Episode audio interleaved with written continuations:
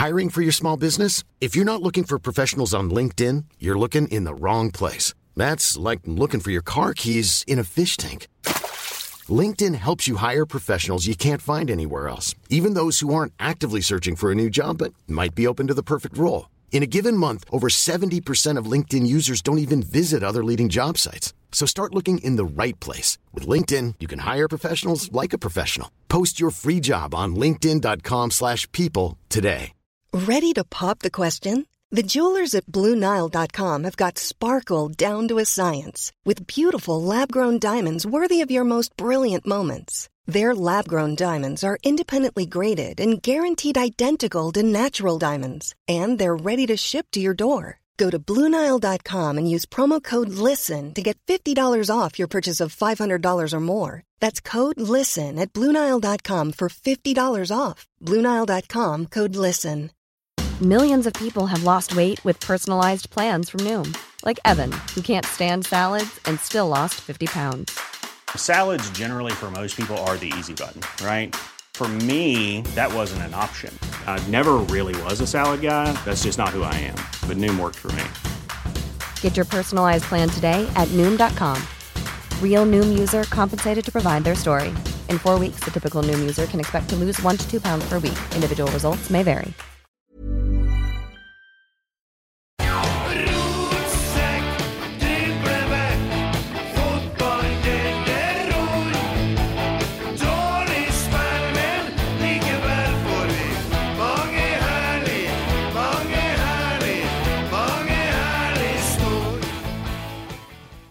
Hei. Hei. Velkommen til episode nummer 194 av Rotsekk. Takk skal du ha. Det begynner å bli så mye at det er nesten for dumt. Ja, det er jo helt idiotisk. Ja. At vi har fått holdt på så lenge. Si som eh, Otto Ulseth, noen bør gripe inn. noen må stoppe det her. Et rop om hjelp, det her. Ja, det er jo det. Det var jo det det starta som. Så var jo psykisk helt nedkjørt og prøvde jo å lage en podkast som et rop om hjelp for å bli lagt inn, men her sitter jeg og venter. Så ja, ja, ja, ja. Ja. ja. Christer, da er det bra med? Ja, Ja. bra. Gleder meg til helga. Å, hvorfor det? Eh, skal på bortekamp. Årets første. Ok, Ja. du, du skal på kampen. Ja, ja. Mm. Så, men det kommer vi vel mer tilbake til, tenker jeg. Ja. Ja. Har du planen klar for å smugle bluss? Det har, jeg, har jeg si ingen, ja det har jeg ingen kommentar til. Nei, nei, men da tapper jeg finlandshett og svar, da. nei, ja, nei, over til gjesten med en gang. Uh, har latt meg fortelle av en anonym kilde at uh, vi har med en stor, stor tøffelhelt å gjøre her. Kjerringstyrt. Vaske og styre og ordne. Heim. Det der eh, lurer jeg på hvor du er fra, men eh, Det stemmer ikke. Er ikke det? Nei. Strengt satt. Ja, det, men eh, ja. Takk for at jeg fikk komme. Jeg skjønner jo at det er langt ned på lista når dere nærmer dere 200 episoder. Nei, jo, er det lenge siden første gang jeg spurte deg? ja, det kan hende. Ja. Det er litt kostbar, og så eh, ble det litt sånn vel. Ja, Jeg er ikke sånn veldig glad i å ja, oppmerksomhet, kanskje. Så, Jo, jeg har sett på YouTube, i dag, og det ser ut som du er veldig glad i oppmerksomhet. Ja. Du henger over i rekka der og brøler. ja, men det var på et uteplass, så da Litt sent på kvelden, så Men hvis, at, hvis folk trenger hjelp med økonomien, da, så kan du hjelpe Sparebank1 med å forklare Det her er et vårtegn, gutta! Nå Ja. går rullegardina ut. og- opp, ja. Ja. Nei, og folk eh, Du, du satte litt annonser for Sparebanken eh, her og fortalte at du fikk god hjelp. Ja, det Når jeg søker på deg på YouTube, så finner jeg noen sånne klipp. da eh, Ja. Men så finner jeg noen sånn insane feberredninger òg. Ja, jeg hører ikke så ofte om dem, da, men uh, Sparebanken-reportasjen ble egentlig ganske bra, den. Ja, Så ja, den var det er en av videoene jeg er ganske stolt over, faktisk. Ja, Den virka veldig sånn Jeg tenkte, nei, det der, Nå er vi i fosning. Her er, her er kos. Ja. For det er, det, er du. Ja, Fosning, ja. La oss snakke litt om Eller Åfjorden. Åfjord- Åfjording, ja. La oss snakke om Åfjorden, som en Ivar ville ha sagt. ja. Ja. Du bodde i Åfjorden til du var 15. Jeg flytta når jeg skulle begynne på videregående. Jeg flytta vel ikke pga. videregående, jeg flytta vel pga. at jeg skulle spille fotball. Ja, sånn, ja. Ja. Du spilte i Åfjorden fram til du var 15? da? Ja, det gjorde jeg. Hvordan så drakten ut den gangen? Da var den brun. Brun og gul. Brun og gul. Det er det styggeste drakten jeg har sett i hele mitt liv. Ja, de var ikke veldig fine, men eh, de gjorde noe inntrykk i hvert fall. Hvilken årsmodell er du? 82. Ja, Nei, jeg rakk ikke å score på deg, da. Jeg 76, vet du. Vi spilte mot Åfjorden, men vi, det var vanskelig å spille mot, for det var, det var stygge drakter. Ja, men Vi slapp jo å ha to draktsett, da, så det var kanskje derfor det ble sånn. For økonomisk sett så var det ganske Ja, for det, de var så stygge at det var ikke noen som hadde likedanne? nei. Nei, det var det ikke. Jeg slapp eh, Vestbruken, så det var en fordel òg. Ja, Vi snakker ikke om brun som Mjøndalen sine, vi snakker om en sånn annen type brunfarge som minner mer om frau. Ja, de var ikke veldig fine. Nei, nei, de var ikke det. Men shortsene var egentlig enda verre. Det var gulfarge der som Ja, men det ble jo på en måte Ja, det- ikke så mye om det. Nei, for det brune og gule sammen ble sånn skikkelig feil. Altså, det, det var grusomt. Det høres jo helt jævlig ut. Ja, det gjør faktisk det, Også. Ja, det, det, det var det. Men Grunnen til at man slutta med det, tror jeg var at det var så dyrt å få tak i dem, faktisk. Ikke at uh, fargen var Det, det er ikke noen katalogdrakter. Nei, det måtte vel spesialbestilles, tenker jeg. Ja. Hvor du bodde du i Åfjorden? da? Bodde på Strand. Strand, hvor det blir det, da? Nei, hvis du kjører ut mot Løvøya, da, så Ja, ja, ja. det er den retningen. Ja, ja. Løvøya har vært, vet du. Ja. Handla hjemmebrent. ja, men det, det får tak i det der. Ja, jeg skal ikke si det dumt. Nei, det var i gode gamle dager. Det er sånn på bygda. Hva er sånn på bygda? Jeg er jo fra bygda, jeg òg. Jeg er jo fra bygda, jeg òg, sier jeg. Er det bygda? Du bor jo noen kilometer borti her. Ja, men vi, det, var- de solgte hjemmebrent der òg. Ja, men det er noe annet i Åfjorden, skal jeg fortelle deg. Oh, ja, sterkere ut, jeg, kanskje. Det er ikke noen konkurrent der, vet du. Var ikke det da, i hvert fall. Og bare ett bakeri. Ja, Nei, men det er altså Du, du, du starter fotballkarrieren i Åfjorden, da? Ja, jeg gjorde jo det. Og det var, vi var jo mm, ganske mange gode på den tida der. Så mm, kom det mye bra fra Åfjorden, men eh, det har ikke vært så mange eh, i Rosenborg etterpå, i hvert fall. Nei. Og så drar du til Trondheim for, å, for at du først og fremst skal spille fotball. Ja, det var jo hovedgrunnen, det. Det var, var ambisiøs eh, 14-15-åring som måtte til byen for å bli god, da. Ja. Du blir jo god når han får spille litt på Fosen, så det, det har vi sett før. Eh, men eh, ja, men blir det, Christer? Ja, ja, Du sitter jo helt paralysert. Jeg sitter og hører på. Ja, ja, ja. Koser meg. Du, du, Hvilket lag begynner du på i Trondheim, da? Da begynte jeg på Nardo.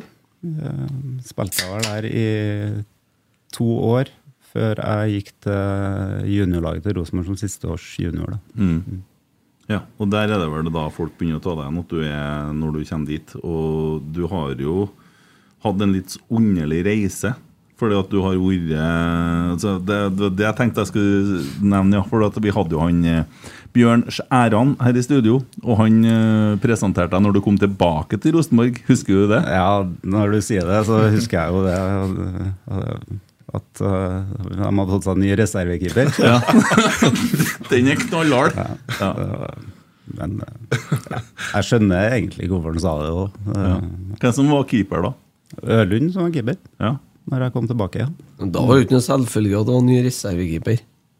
Ja, han hadde vært veldig god, han. Så, men eh, kan jo ha noe med historikken min å gjøre, kanskje. Ja, Du tok den jo fort igjen, syns jeg, da. Men Da var jeg faktisk ganske god da når jeg kom tilbake. Ja, for det, det er jo noen av kampene jeg finner på YouTube der du har dere der feberredningene. Det ligger ut en sånn liten kavalkade. Jeg husker ikke, var det mot Viking, tror jeg. Så en kamp der det sto 0-0 det- var helt besatt i redninga. Ja, det var noen redninger de to sesongene eh, der før jeg måtte gi meg, da. Men eh, Mm. ja. Ja. ja, for du, er, du har litt tid i Fredrikstad, du er i Start og du er i Odense, men du sier du må gi deg. Det skjer i 2000 og Ja, det var Jeg fikk vel den, den siste smellen i oppkjøringa av 2016-sesongen, tenker jeg. Ja. Eh, Så gikk jeg vel det året ut, og så la jeg opp etterpå. Ja, for det er hodeskader vi snakker om, da. Når du sier Da- smeller. Ja. Eh, X antall hodeskader på litt for kort tid, som eh, Ja. gjør at man måtte gi seg. Ja, det er kjipt. Ja. Er, du da inne på sånn skanning og sånn, og så ser de, og så forteller de at du, rukker Balboa hvis du skal fortsette å fungere som menneske, så blir det ikke Ja, noen flere det- kamper i ringen? Nei, det var vel eh, Jeg tror vel alle var enige om at nok var nok, egentlig. Både foreldre og kone og Ja, det er tross alt hun som bestemmer, har vi skjønt. Ja, det er, det er jo det. Så nei da. Men eh, da var det ja, kan jo, Jeg har snakka om det før, men kan jo, siste smellen var jo da eh, i Abrahallen. Da fikk var det Pål Helland som dro til fra fem meter rett i planeten. Og da var det huska jo ingenting hvor jeg var hen, og litt sånn, da. Ja. Um, og da skjønte jo alle alvoret, for jeg hadde jo slitt med det her eh, ganske lenge før jeg gjorde comeback, på en måte, eh, ble frisk. da. Så um, spillerne som kjente meg godt, var jo klar over at det her var alvorlig. og Satt i biler til sykehuset, Jonas Svensson som kjørte, og Mikke i baksetet, og spurte hvor jeg var og hva som hadde skjedd x antall ganger. Og jeg kunne ikke gjøre rede for noen ting, egentlig. Mm. Eh, Så kom jeg på sykehuset, så så jeg kona mi var høygravid, og da Oi, ja. Da begynte jeg å komme til meg sjøl og kom på det. da. Så, ja. Oi. Da var vel det når, jeg når hun kom, så ble vi vel ganske fort enige at uh, nå er det vel nok, da. Ja. Da får jeg gåsehud. Det der er jo Det høres jo så skummelt ut. Ja, det er jo veldig skummelt egentlig òg. Så, så ja, man visste jo ikke hva som ville skje hvis man fikk en ny smell. Nei. Uh, ja. Det er ikke noe fin periode å prate om, egentlig. Jeg kjenner jo på det nå, for det var en forferdelig tid. sånn sett. Man, man blir prega. Man kunne ikke gå i butikken, jeg kunne ikke leke med sønnen min ordentlig og litt sånne ting. og da, ja, Det gjør noe med deg og når jeg snakker om det nå. og ja, Det er noe, det er en vond periode sånn sett. Ja. Ja. Er dere sånne ting man kan forebygge ved å bruke hjelm, f.eks.? Nei, jeg brukte jo hjelm etter eh, Jeg var jo ute med hodeskade litt tidligere der. Så brukte jeg jo hjelm når jeg prøvde å komme tilbake igjen. Eh, Men det funker ikke på det viset, ble jeg i hvert fall fortalt eh, egentlig. Men det var mer for Mm. at jeg var litt redd etterpå. Ja, brukte han den på trening og noen kamper, og så til slutt så glemmer du det. Men Det er den ristinga som på en måte gjør det når du får smellen, tror jeg. Så hjelmen er vel mer ja, beskytta kanskje litt mot dem som har kraniebrudd, bruker hjelm f.eks. Ja. Peter, Peter Check, for å Ja. dra inn en sammenligning. Ja, ja, skjønner jeg. Ja, for Problemet er jo at det er, så, det er jo hardt på alle kanter. Så det, energien forsvinner ikke noen plass. Den blir inni. Mm. Kan ikke så mye om det der, men eh, ja. Ja. Nok var nok, i hvert fall. Ja, og da er du 30 Skal vi se, dere var i 2016, født i 82. 34, 33-34. Ja. Ja. Uh, ja, det er jo keepere som står lenger enn det. Men Ja. fot fotballalder sånn i snitt så er det jo på en måte ikke så gærent eller? Det var veldig greit at det ikke skjedde tidlig i karrieren, egentlig. Så takknemlig for det, da, for man fikk jo oppleve ganske mye. Og så ja, var det noe greit eh, å gi seg, for du slipper å tenke på at du skal begynne på igjen. Mm. Det er liksom ikke noe alternativ. Man er blitt eh, ballredd omtrent. Ja. Ja. Ja. Eh, Fredrikstad, hvilket årstall er det du er der? Jeg gikk på lån der i 2000, ja, siste halvdel av 2004-sesongen. Ja, akkurat. Eh, Da var jo Knut Torbjørn der, og ja, hvem som trente? Knut Torbjørn, Det ja. var Knut Torbjørn som var trener, og ja. Per Egil Lalsen var assistenttrener. Fantastisk duo eh, var det. Og det var en i det, men jeg hadde jo akkurat fått meg kjæreste. Hadde møtt Gøril og oh, ja, hadde jo hjemlengsel. da, ja, ja. ja. Hjemlengsel bare jeg passerte Abrahalen, sant, så var jo eneste som sto i hodet på meg, var å komme meg hjem en tur når det var mulig. Knut Torbjørn var jo fantastisk der, og han eh, skjønte jo hvordan dette var. og Skulle prøve å få det beste ut av meg den tida jeg var der, og gjorde sitt for det. Mm.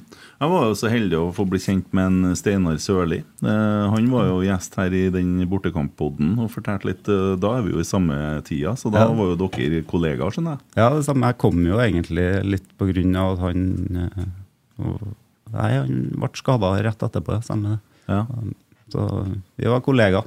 ja, Herlig. Ja, og Steinar er jo en kjempeartig type, så vi, vi flirer mye på trening, for å si det sånn, og kanskje litt utafor trening òg. Ja, det tror jeg på. Uh, ja, det er jo litt artig å si det, for at jeg har fått inn en anonym en her. Uh, Ulrik Wisløv ønsker å være anonym.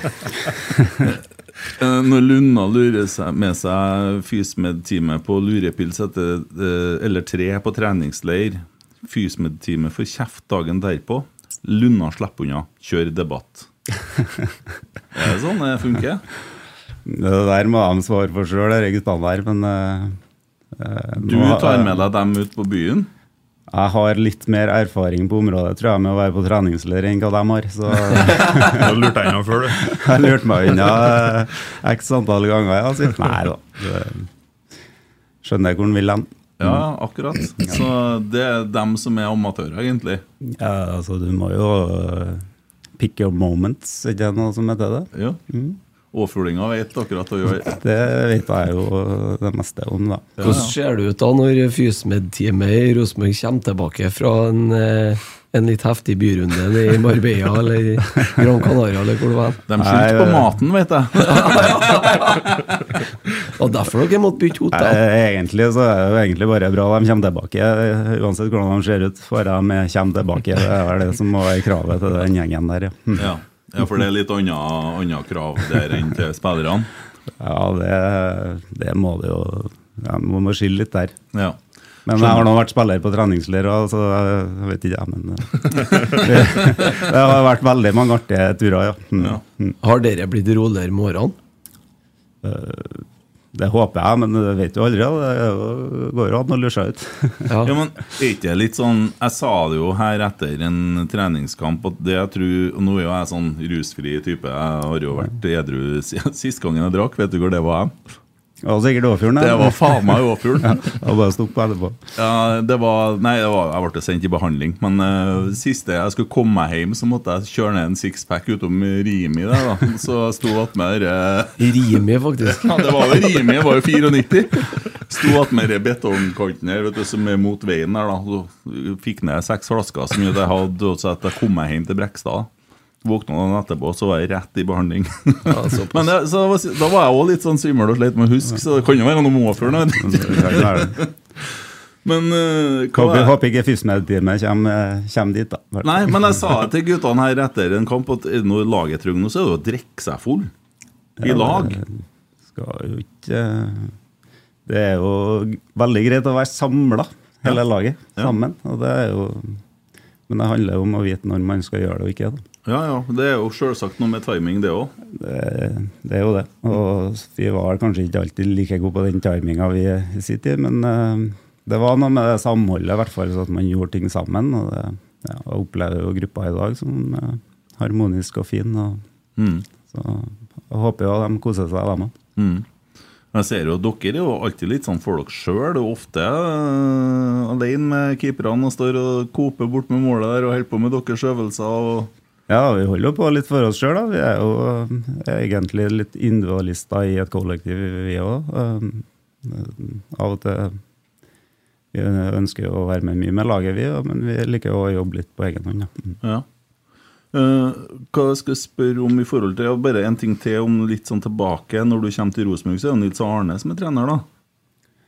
Eh, nei, det er det 2000 og Kommer tilbake i Tolv, to- var det? Ja, og, og, Når du kom til Rosenborg første gangen som junior, ja, da var Nils Arne trener, ja. ja, Mm. du fikk du oppleve noe med Nils Arne da? Var han noe inn i lag med dere noen gang? Ja, jeg var, jeg var jo jeg var jo med A-laget og trent et helt år før eh, Jeg var jo hva de kalte meg, de kalte meg for U-Lund. eh, Are Tronseth ga meg kalte meg U-Lund, for jeg var den eneste i U-stallen. Ja. jeg hadde en lærlingkontrakt, og, ja. men eh, det betalte seg etter hvert, det. Så mm, da hadde jeg Nils eh, det året. Ja, fikk du oppleve noen sånne moments med Nils Arne, eller? Ja, det gjorde jeg jo eh, helt klart. Jeg har jo gode minner med det, men det kanskje beste minnene sånn, er jo skjedd i ettertid, eh, når jeg ble litt bedre, kanskje. Men han var jo, fulgte jo Fredrikstad veldig mye når jeg var der, med Knut Torbjørn. og var annet og kikka på en av siste hjemmekampene i 2004, når vi berga plassen. Mm. Um, og da hadde han jo sittet sammen med foreldrene mine på tribunen og var helt vill. Og, um, ja, så det var mye gode ord å få fra Nils da når jeg hadde Knut Torbjørn som trener. Ja. Mm. En ting jeg lurer på, for du var jo i Odense før du kom tilbake til Rosenborg igjen, ikke sant? Jeg gikk, eh, gikk Ja, du var i Odense, og så Start. Ja, så gikk jeg til Start eh, etter et år i Danmark der. Mm. Odense skåta de deg i den bortekampen mot Brøndby.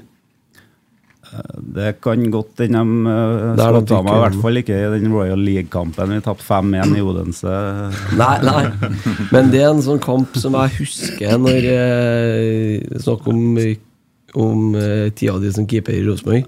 Den bortekampen vi vant i Det var Uefa-cupens første runde den gangen, tror jeg. Ja, som var et sånt så- inn til gruppespill. Ja, inter, de kalte det Intertoto-cupen, da. Eh, tror jeg det var. Vi, så vi kvalifiserte oss gjennom den til, til Europa League, eller hva det da het. Ja, for i, i 2008 så fikk jo Rosenborg plass i Intertoto-cupen gjennom Fair Play-ran. Ja. Og så gikk vi til Uefa-cupen, møtte Brøndby i første runde. Og så, når du var videre fra første runden, så gikk du inn i et gruppespill etterpå. Ja. Uh, og den bortekampen mot Brøndby det, det er den kampen jeg husker er best uh, som Rosenborg-keeper. Jeg husker den veldig godt sjøl, for det var ble jo litt sånn uh, Egentlig litt Hva skal jeg si Definerende for karrieren min egentlig på det tidspunktet. For Hamren som bare heiv meg inn, jeg hadde jo nesten ikke spilt kamper. Og det var en av de viktigste kampene, og han valgte å bytte keeper. Um, han, eh, på treninga dagen før så var det en Rune som sto i mål, i Arstein. Eh, Så jeg var jo godt forberedt på å sitte på benken. og så kom på frokosten og kom jeg, kom og ha en samtale. og Fikk beskjed om at jeg skulle spille. Og smilet holdt på å gå rundt. eh? Jo, han snakka jo om den reaksjonen etterpå. Han var sikker på at da kom det til å gå bra, for han hadde sett reaksjon. Og det gikk egentlig Det var ikke, det var ikke Rune Jarstein du snakka om smila nå, nei. Nei, eh, det var det jo selvfølgelig ikke. Han var jo desto mer eh, irritert, selvfølgelig. Og det skjønner jeg jo godt, det. Jeg husker fra den tida der så Adressa portretterte deg og Jarstein i bokseringen. Husker du det? De traff egentlig ganske godt med den der. Ja, det var jævlig artig. Ja, for var, vi drev en del med boksetrening, altså, men vi var litt irritert på hverandre den vinteren. Uh, Jørn skulle ha oss med til en Allan Fallerød, tror jeg, og ha boksetrening. og så skulle jo, og Planen var at vi skulle spare litt på slutten, men det måtte vi jo bare slutte med. For han, uh, Jørn var jo redd for at jeg skulle slå han i hjel. Så, så vi slutta jo med det. Mm. Ja. Ja, for, at han, eh, for meg, da Nå vet ikke jeg så mye om uh, han Jarstein, men det virka utad som at han hadde litt sånn uh, ja, sinneproblem til Han tider. virka, virka tidvis i ubalanse, vil jeg si. Ja, jeg ja. si det. Han var akkurat som meg, hadde ganske mye sinne på den tida der. Så vi var jo litt like sånn sett. Konkurrerte om den samme plassen. og Han ble kjøpt for mange penger og. Og trodde vel sikkert at jeg skulle være der for han, da. og det hadde jeg ikke eh, planer om. Så vi var jo som hund og katt til tider. Jeg vet ikke om dere har sett, det var et klipp på vi trent, hadde trening i Buvika der eh, alle medier var til stede. Ja, Og, sett. ja, fire mot fire økt, og vi begynner å stå på hver sin side og kjefte på hverandre. og Der han eh, avslutter med å si 'du tør ikke å komme hit og si det'. Eh, og da husker jeg jeg husker Da våkna Åfjordingen, Ja, da var det som å være på lokalet omtrent sikkert. Ja. Eh, Jeg tenkte at nå skal jeg ta han. så da marsjerte jeg mot målet, og da hadde jeg husker jeg godt, og da bestemte jeg nå legger jeg den i bakken, og nå skal jeg Ja, dette orker ikke mer. Ja. Barnslig av meg, selvfølgelig. Det var jo oppført meg like dårlig jeg som han. så... Men idet jeg er på tur over, så kommer en Trond Henriksen gående mot meg, og da snur jeg bare på hælen. Altså. så- Da hadde da jeg snudd av. så da droppa vi den. Og så, ja. Men eh, jeg og Rune vi er gode kompiser eh, i dag eh, og snakker godt sammen. Så det der var Det var to unge gutter på en måte som kjempa om det samme og ja, var villige til å gjøre hva som helst for å spille. Ja, men det må ikke være litt sånn galskap i det òg, for at en skal prestere på et visst nivå?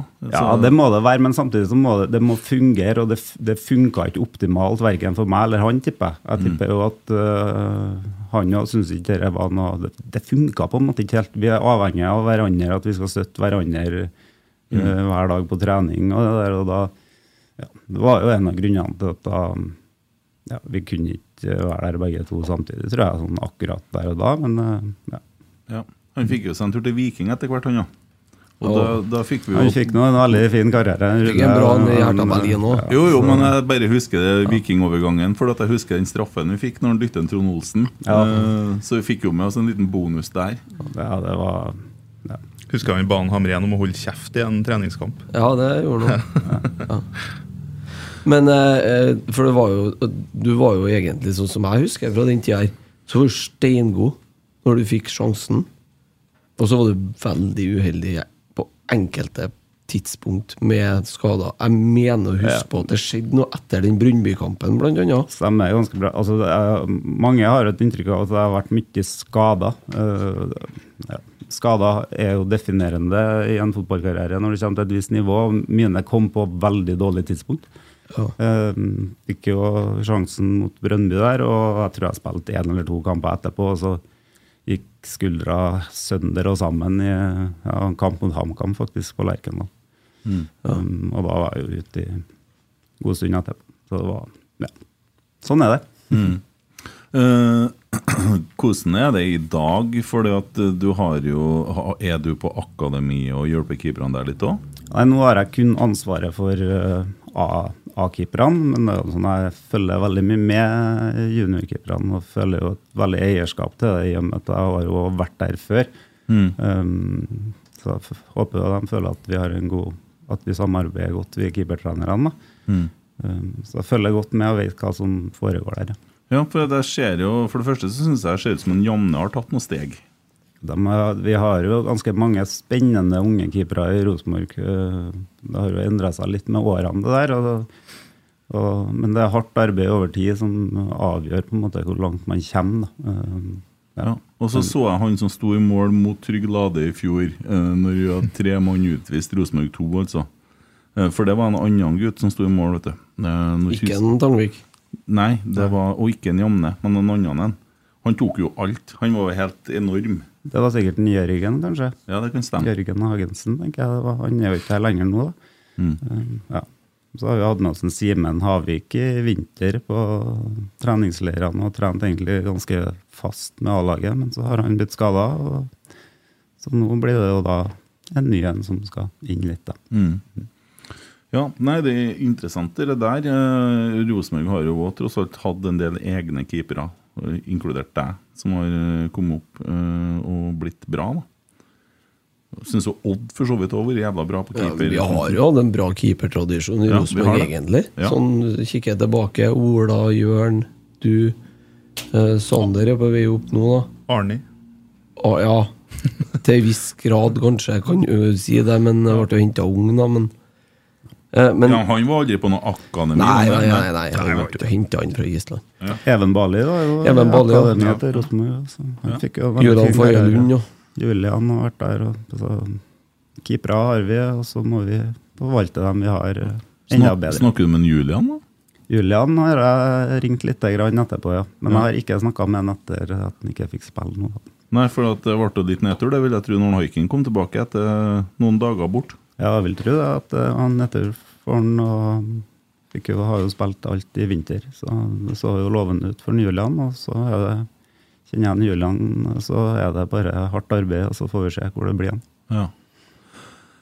Ja, det er spennende tid, og det er spennende tid i Rosenborg med keepere. fordi at André Hansen er jo på utgående kontrakt eh, nå, så det blir jo artig å se hvordan eh, dere kabbene legges eh, til neste år. Skal ikke vi bli helt Ha, har du noe eh, påvirkning der på om klubben skal tilby andre en ny kontrakt eller ikke? Ikke noe ja, påvirkning. Da. Jeg vil jo si noe meninga mi når jeg spør, og jeg er nå veldig fornøyd med de keeperne vi har. så det er noe. Men akkurat med kontraktsituasjonen, det er jo ikke noe Jeg, legger, jeg trener dem jeg har, i hvert fall. Ja, ja, eh, ja. Men eh, jeg er fornøyd med de keeperne jeg har, og det er nå et eh, godt signal, vil jeg tro. Uansett. Så det er nå to parter der òg, da. Mm. Ja. Det er en utfordring det òg for deg å skal holde eh, to stykker fornøyd. Du vet jo hvordan det er sjøl. Én må sitte på benken. Ja, det der er jo, veldig, det er jo litt sånn som jeg snakka med meg og Rune. Altså, man er avhengig av at keeperteamet jobbes godt sammen. For vi er, som du sa i sted, vi er ganske mye oppå hverandre. da. Mm. Um, så det der er ja, Det skjer jo sånn som i håndball, der det man snakker om keeperteam hele tida.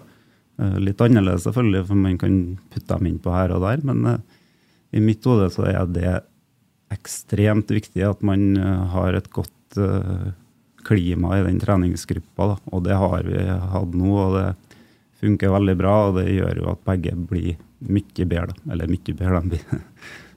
Treninga blir bedre, og de coacher hverandre og hjelper hverandre til å bli bedre.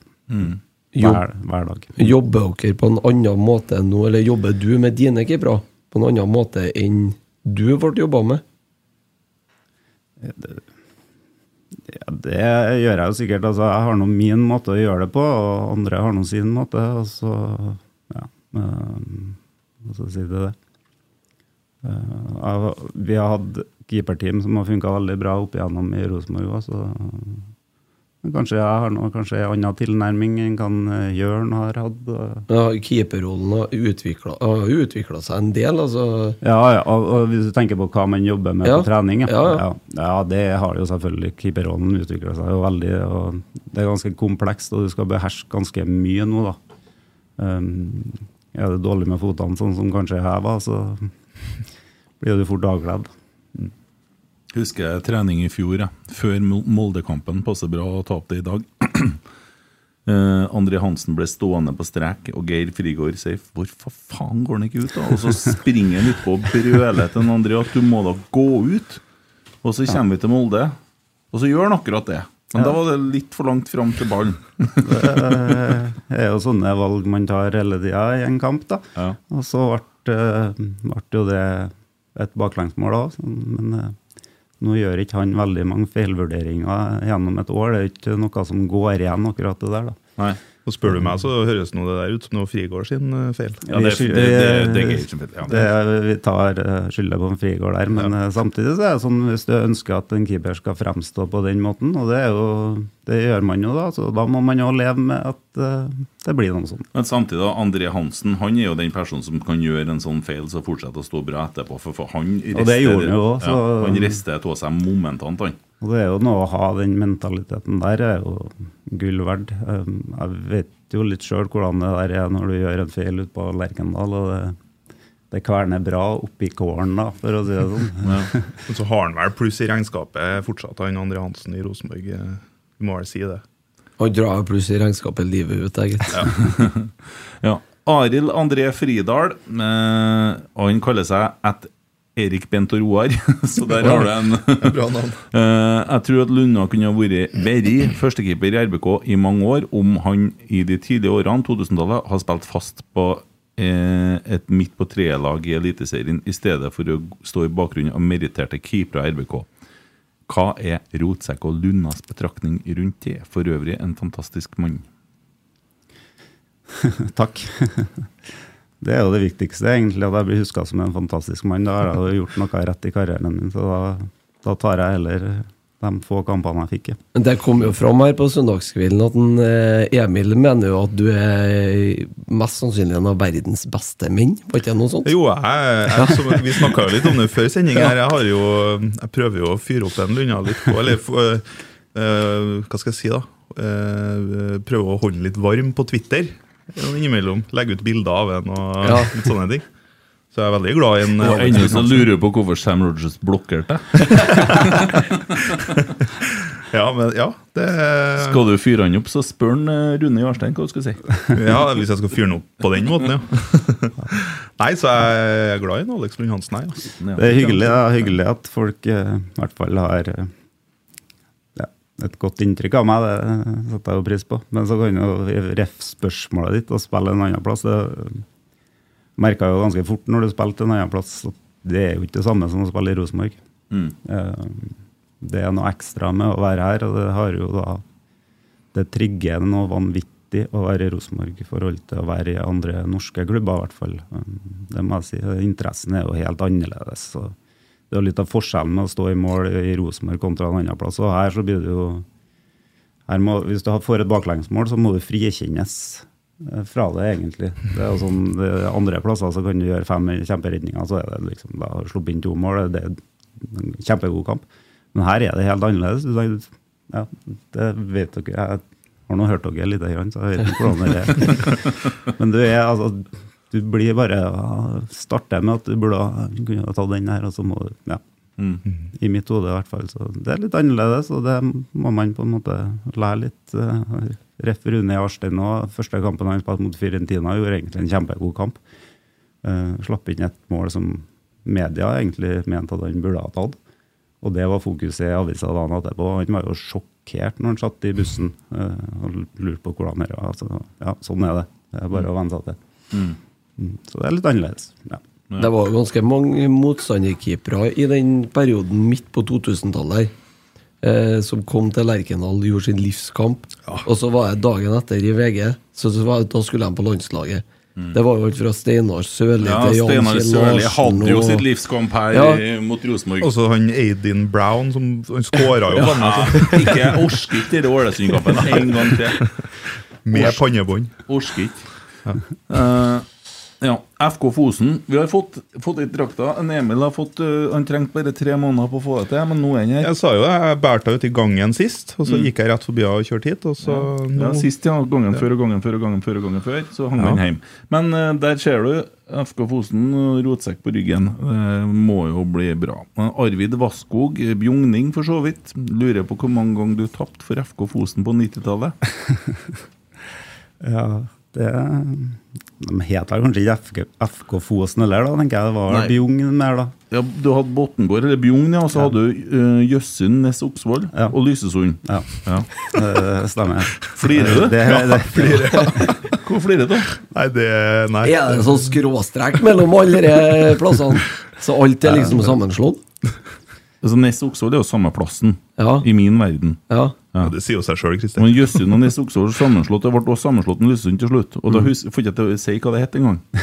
Men det ble med FK Fosen til slutt, da. Mm. Ja, det hørtes lurt ut at de kalte det det.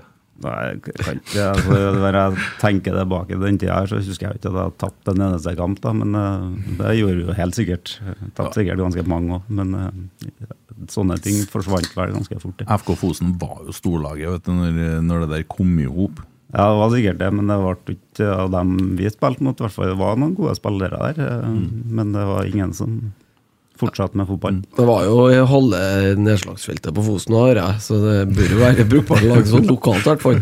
Ja, det, nei, det ble jo bare Det er jo egentlig bare rundt Kopperen der. er Du, jeg kan jo fortelle dere at FK Fosen har en brukbar spiller i noen av dem. ja. Og det er den godeste Siljan eh, Hva heter det for noe? Bergsten. Bergsten, ja. Ja. Og har tatt ut på utkastlag til Ole Sagbakken. ja. ja. Ikke han, verst. Han bare smisker litt for å få lytterne når han sier det der. Men jeg må jo ta fram en Lukas Bergsten òg. Begge sønnene til en Terje gikk i Ja. klassen til i barneskolen. ja, Det er jo Petter Rasmus mener det er så mye bra som kommer fra Vanvika nå. Uten, altså. Så- ja, hva er det, da? Han er nå gift med ei derfra, blant annet. Kunne være, hun, da. Vet ikke om hvordan hun er. Nei, men Du har jo hun Rugg Jule Rulite på RBK Kvinner. Ja, Hun stemmer. er fra Leksvika. Mm. Også, Det er forskjell, forskjell på Vanvikan og Leksvika. da. Ja, Vanvikan lå jo i gamle Leksvik kommune. Ja, det gjorde det, men det er fortsatt et stykke imellom. altså. Det blir litt å si som at Malvik og Hummelvik er det samme. Ja, Hummelvik er jo en del av Malvik kommune. Enten man enten jeg vil det eller ikke, så er det jo faktisk det. Ja, ok, Men da bor det jo Hummelvika, da. Nei, Ja. det er ikke faen. Har du et spesielt forhold til en Ivar Kotteng, etter som at dere begge kommer fra Åfjorden? Ivar, ja. Ja. Ja, jeg har jo selvfølgelig det. Ja. det var, Kommer en litt ekstra og, for at det, det blir en liten link, liksom? ja, det, jeg vet ikke hvorfor, jeg, men det kan jo hende at han liker meg godt, han òg, sjøl om jeg Ja, ja. Nei, Han sitter og kjører godt, jeg har et godt forhold til Ivar, for Ja. å si det sånn. ja. Nærmer seg vårene nå, da drar han utover til søstera og kjører litt traktor. vet Da koser han seg. Ja. Ja. Hadde Søstera var jo vel eh, læreren min på Håfjordskolen. Altså. Ser du det? Har eh, god kjennskap til den eh, familien der, ja. Ja. Har du vært på ufo-konsert noen gang? Det har jeg, vet du. Ja. Mm. Nå skal det sies at eh, når jeg bodde i Åfjorden, så var jeg jo ikke så gammel. Så jeg var ikke på så mye fester akkurat da. Ja, men du var jo ble du konfirmert mens du bodde der, og da for du på fest. Nei, jeg gjorde ikke det, vet du. Eh, Faktisk ikke.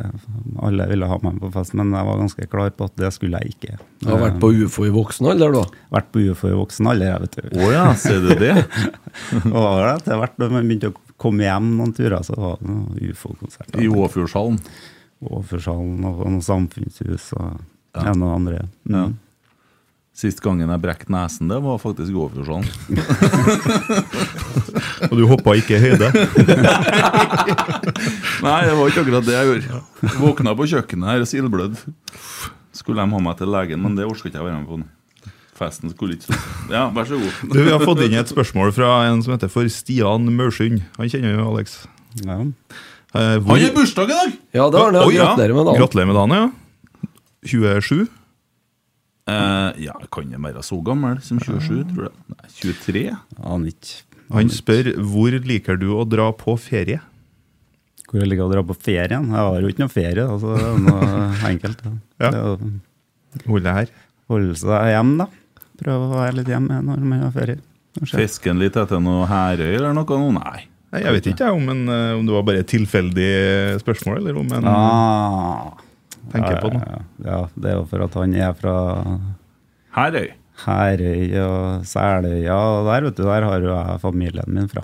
ja. Det er jo, kommer jo Mormora mi kommer jo derfra. Ja, det var det vært, han skulle fram til. eh, Ja, det var det, vet du. Ja. Jeg tok ikke den, egentlig. Kjenner lusa på gangen. Ja. vet du. Det har vært noen somre der, ja, men det begynner å bli ganske mange år siden. Ja. Mm. meg fær tilbake etter hvert. Ja, det er fint oppi her, da. Ja, det er veldig fint. Det er jo finere på Herøy enn i Sandnessjøen, for når du kommer til Herøy, så ser du jo de syv søstre. sant? Ja, det stemmer vel sikkert bra, det, men det er jo ganske fint i Åfjorden, også. De må kanskje først ferdig dit litt Nei, oftere. nå skal ikke vi dra det så langt. Fint i Åfjorden. Stokkøya er fint, ja. Ja, jeg, så hva, jeg, sa, jeg sa til en Øyvind Svenning jeg diskuterte det når den Stokkøybrua kom. Det, og vi var jo ganske unge, da, så jeg mente, jeg, jeg mente jo da at det var noe Jeg, skjønte ikke hvorfor vi skulle ha bru utpå dit, men eh, de ordene skal jeg bite i meg, så det holder etter. For det har blitt eh, veldig fint utpå Stokkøya. Stok Stokkøya har vel eh, bidratt positivt til resten av Åfjorden. Ja, eh. det må jeg virkelig si. Det er fantastisk at man eh, får til noe sånt utpå der. Og, det er jo viktig for et lokalsamfunn. ja. Jeg elsker Stokkøya, vet du. Ja, og du er heller ikke noe glad i den brua. Nei, det brua ødela Stokkøya litt. For at før, når jeg var liten og var til farmor, så var vi på øy, og da var vi liksom der. Da var jeg litt sånn spesielt, det, vet du. Det måtte times og tilrettelegges. Skulle inn til Årnes og handle noe, da, så måtte du ta ferg. Liker å ta ferg, du, da? Sa han Ivar Kodek til meg. Det stemmer. Det stemmer faktisk, ja. Ja.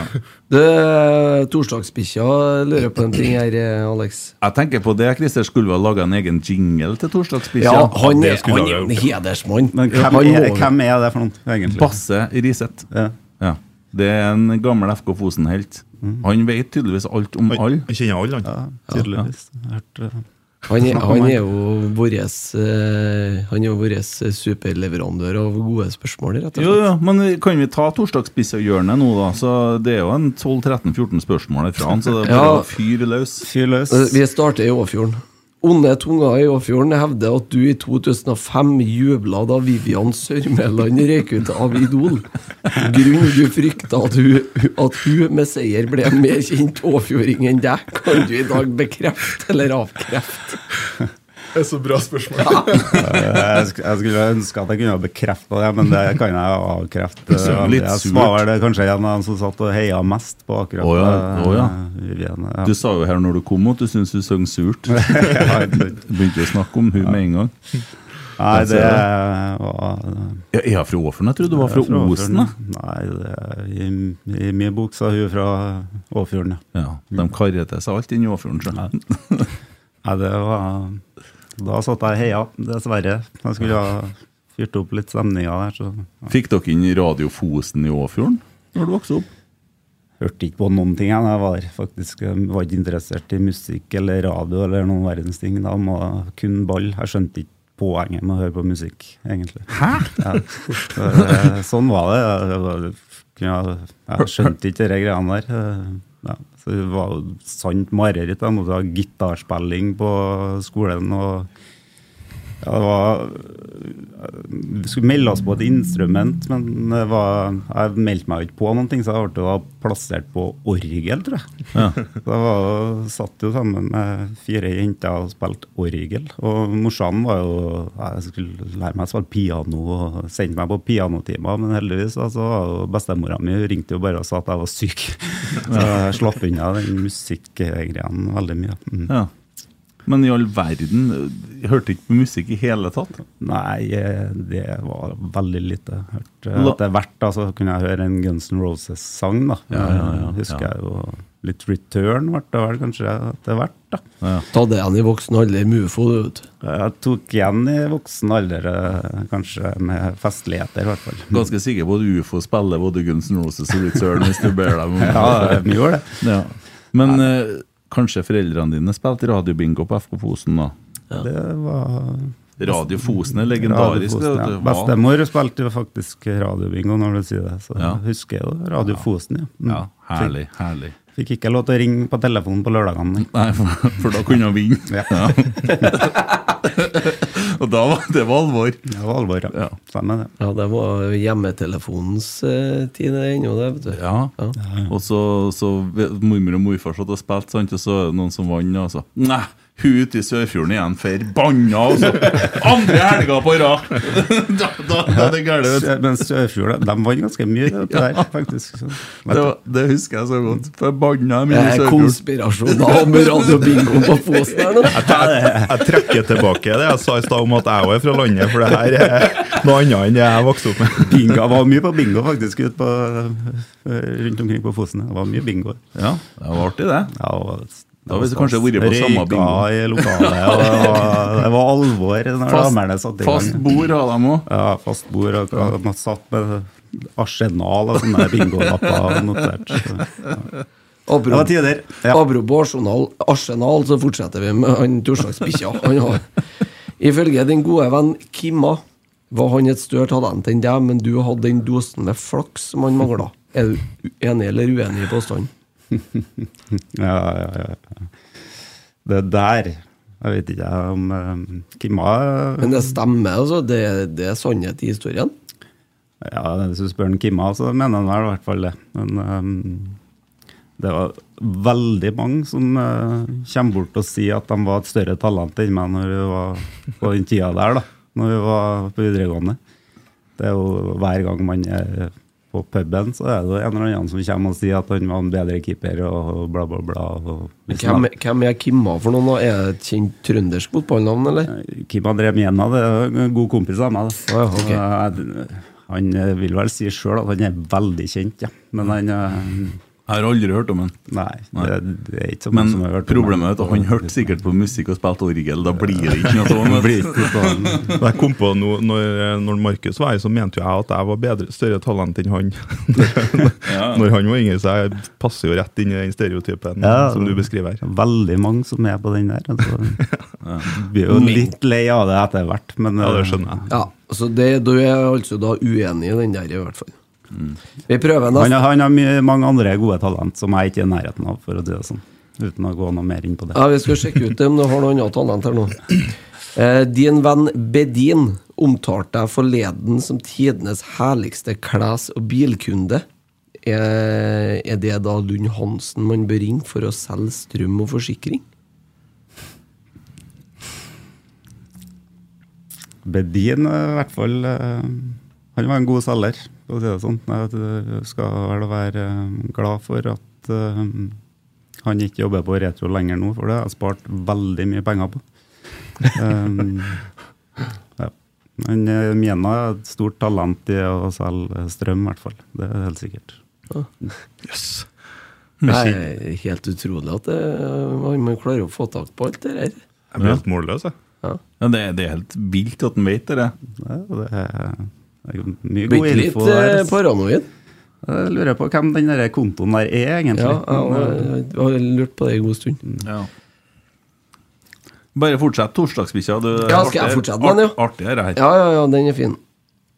Eh, la oss si at Valstedt går fra Odd. Jarstein overtar, og Odd kommer til Lerkendal.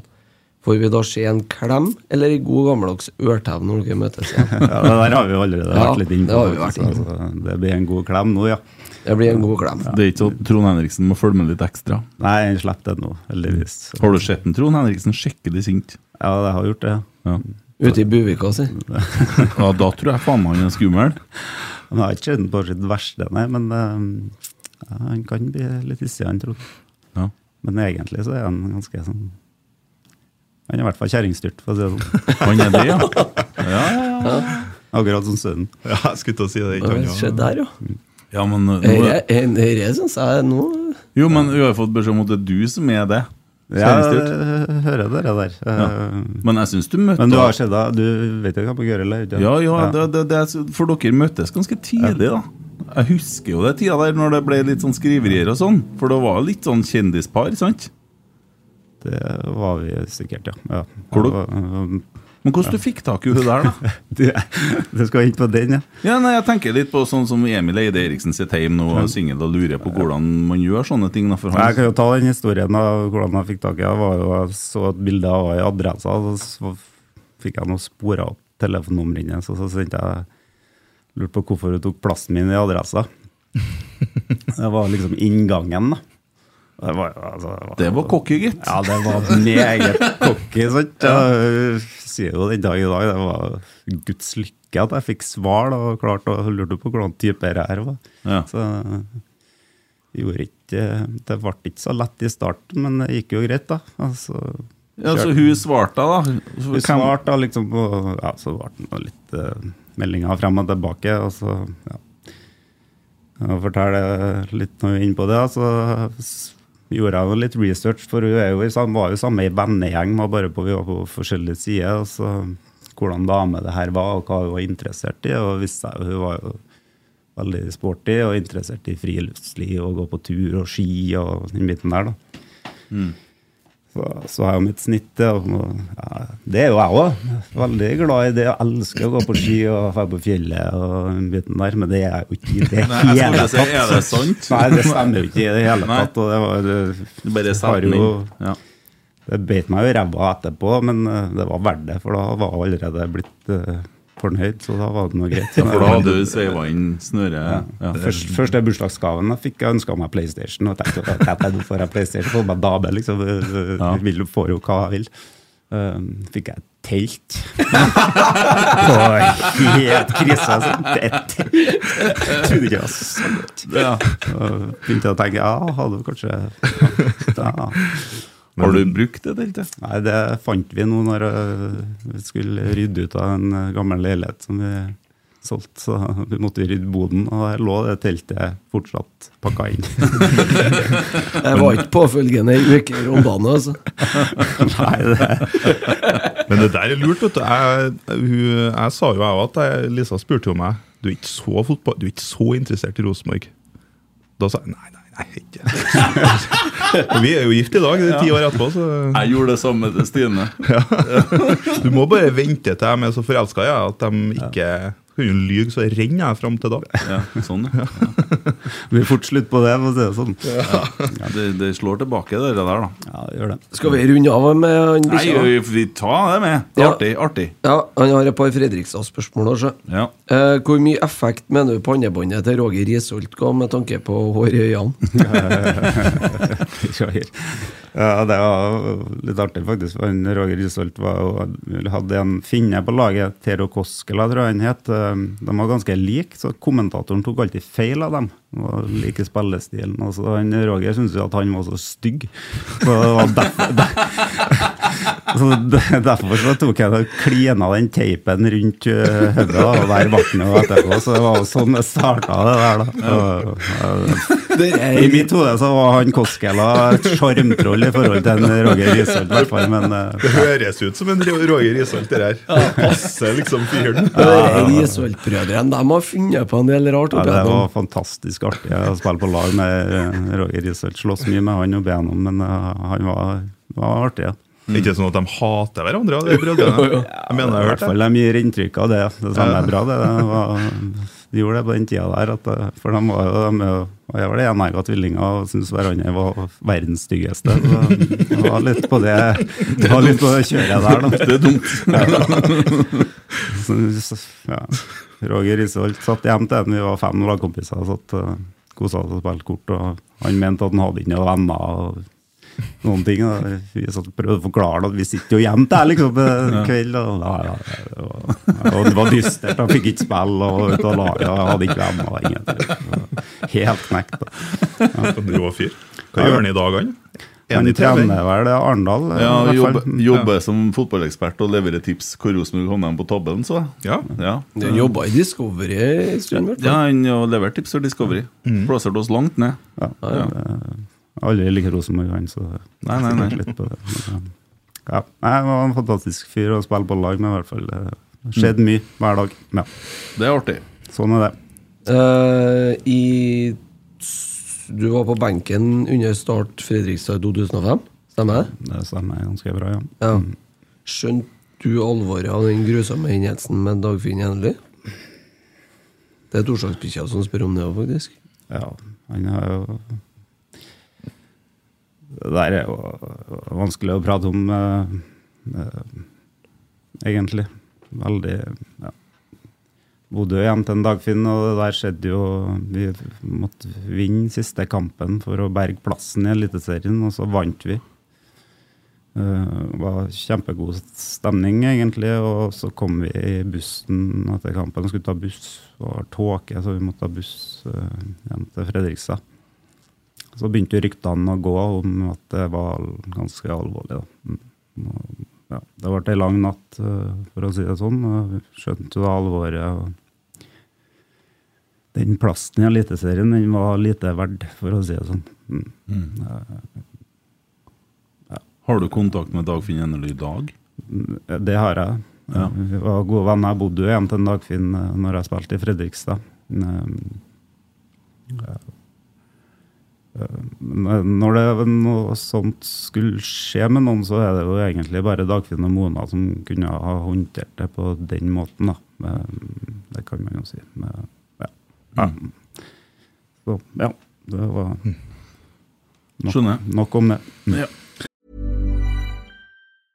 Selling a little or a lot? Shopify helps you do your thing however you cha-ching. Shopify is the global commerce platform that helps you sell at every stage of your business. From the launch your online shop stage to the first real life store stage, all the way to the did we just hit a million orders stage. Shopify is there to help you grow. Shopify helps you turn browsers into buyers with the internet's best converting checkout. 36% better on average compared to other leading commerce platforms because businesses that grow grow with Shopify. Get a $1 per month trial period at Shopify.com slash work. Shopify.com slash work. I'm Sandra, and I'm just the professional your small business was looking for. But you didn't hire me because you didn't use LinkedIn jobs. LinkedIn has professionals you can't find anywhere else, including those who aren't actively looking for a new job but might be open to the perfect role, like me.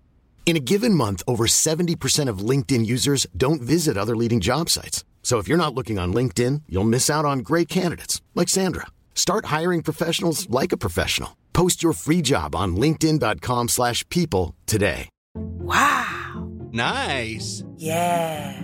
What you're hearing are the sounds of people everywhere putting on Bombas socks, underwear, and t-shirts made from absurdly soft materials that feel like plush clouds.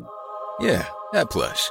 And the best part? For every item you purchase, Bombas donates another to someone facing homelessness. Bombas. Big comfort for everyone. Go to bombas.com slash ACAST and use code ACAST for 20% off your first purchase. That's bombas.com slash ACAST. Code ACAST. Ja. Eh, da, ja, apropos kona, og en veldig, veldig brutal overgang. Kristian spør Har kona vært gavmild i det siste. Det er en ny bursdagsgave ute og går her. Det der er det, ja, det ble jo veldig brått. Skiftet Jo, jo, tema. vi skifter er tema og sånn. Det er bra, Ja. det er fint. Nei, men eh, litt eh, bakom for dem som ikke har sett innsiden, så forteller du at eh, du har fått bursdagsgave, så du kom litt sent. Kona var Det, er det, der, vet du, det er altså, når du jobber med inns, ja, innsiden, de får jo veldig mye skryt, og det er jo veldig bra, det der. De har jo blitt veldig høye på seg sjøl. Altså, nå kan du ikke spørre dem om hjelp til noen ting, nå er det kun innsiden. Sant? De sitter jo nede i kjelleren der, og jeg, de er så fornøyd med innsiden. Ja. Um, um, og de er jo her hele tida. Er Overalt så er det kameraet. Jeg er ikke noe glad i kameraene, som jeg sa. det er Å Ja, ja. sitte i podkast nå, det, det, det sitter langt inne. Men Du klarer deg bra, altså. Ja, takk for det, da. Ja. Jeg må prøve, da. I hvert fall. Ja. Men eh, Ja, så hadde jeg noe bursdag, da. og Skulle, da plutselig så skulle jeg få en gave i, i garderoben. Og så, da- ja, da tenkte jeg jeg må si noen ord da, når man først har muligheten. Det er jo ikke så ofte man slipper det inn i garderoben her når Kjetil og Geir er her. Så, Skulle tøffe deg litt, da. Så. Og tenkte jeg skulle i hvert fall ja, Tok nå den talen litt uventa retning, den. Og ja, fortalte nå at jeg hadde blitt litt sein på jobb, da, pga. at kona har vært gammel i hjørnet. Men jeg sa ikke noe mer enn det, så så jeg det jævla kameraet som sto der. Og, Ja. Så historien stoppa jo der, da. Så det får jo være opp til hver enkelt sin fantasi og tenke på hva det det Ja, gaven vil med, da. Mm. Ja, I en garderobe med 30 mannfolk, så er det klart det. Men eh, ja, eh, fantasi og alt det der, men eh, det sitter nå ei heim, ser hun innsiden? Nei, det, var, det tror ikke jeg, men det, det var noen som hadde fortalt av det der, ja. Det stemmer bra, det. Ja. De hadde fått med seg det der, for det ble noe litt snakk om det i vennegjengen. De var ikke på de, da, selvfølgelig. Ja, Så da ble det telttur etterpå, eller eh, skitur? Straffetur? Nei, ja, det var Ja, det gikk noe over, det. det. Men hvem er det som skal jekke ned innsiden Newton, da? Jeg prøver hver dag, da. Det- Men, ja, dem er Innsiden er ikke litt fjoråret, Jeg må komme på noe nytt. Ja, så de må fornye seg, ja. Ja, så last year, ja, ja. Nei da, det har blitt kjempebra. De, de er veldig flinke til å snike seg rundt, men de er jo overalt. Og det kan kamera. Du prøver å unngå det så godt det går, men enkelte ganger så kommer du ikke unna det. Du vet å unngå det på treningsleir i Marbella? Ja, det det, da laga jeg en Innsiden-episode sjøl faktisk, og filma dem. Men jeg fikk ikke ha den med på neste episode. Litt skuffende, faktisk. Ja, akkurat. Så Stenseten Grøn, Nei, Grønning var det som var med, så da laga jeg en episode om han. Men eh, nei, ville ikke vise den etterpå. Men jeg har en ting. Eh, Du vet jo det veddemålet til meg og Kjetil, Ja. med litt vektnedgang og litt Ja. sånn. Du kan si det sånn at jeg leder, tror jeg. Eh, Men eh, det er en kar til der som var med på det veddemålet. Det er en Eirik Grønning. Han var på vekta samme dagen. Var han det? Ja. Så det kan du pushe litt på. Ja. Jeg vet ikke ikke skjedd noe til det. Nei, jeg syns ikke det ser ut som en har tatt det så på alvor etterpå. Nei, var hun førsten i matfatet på treningsleirene, i hvert fall. Tenker jeg meg. Ja. Ja, men det er bra, nå har du litt å gå på, vet du. Må notere det. eh, Ja, det er bare et sånt eh, lite tips. Det går an å jekke ned han et par hakk, i hvert fall. Jeg var så uheldig at jeg ga Jon Stenseth skryt her om dagen. eh, For Oi, han eh, jobba bra i dag, sa jeg til ham. Og så Hva mener du med det?! Hva mener du med det?! Oh, ja. Nei, jeg, jeg, jeg skryt, liksom. Jobba bra. Ja. Jeg trodde han ikke på, da. Skjønner han jo egentlig godt, da. Men eh, så viste det seg og da- Dagen etterpå, den avtalen han hadde gjort med en Frigård, hadde han selvfølgelig glemt. altså Så Ja, ja. tålte ikke skryten heller. Nei, det gikk galt, det òg, ja. Nei, I dag kom han jo ut på slutten på treninga, vet du. For han må jo det når det er såpass med journalister der, da. Ja. Men det var litt mye vind. Det Det var var for mye vind, ja. Det var, det var, var en TV 2-journalist midt ute på feltet her i dag. vet du. Fikk du med deg det? Nei, jeg fikk ikke med at han var på feltet, nei. Ja, midt utpå her.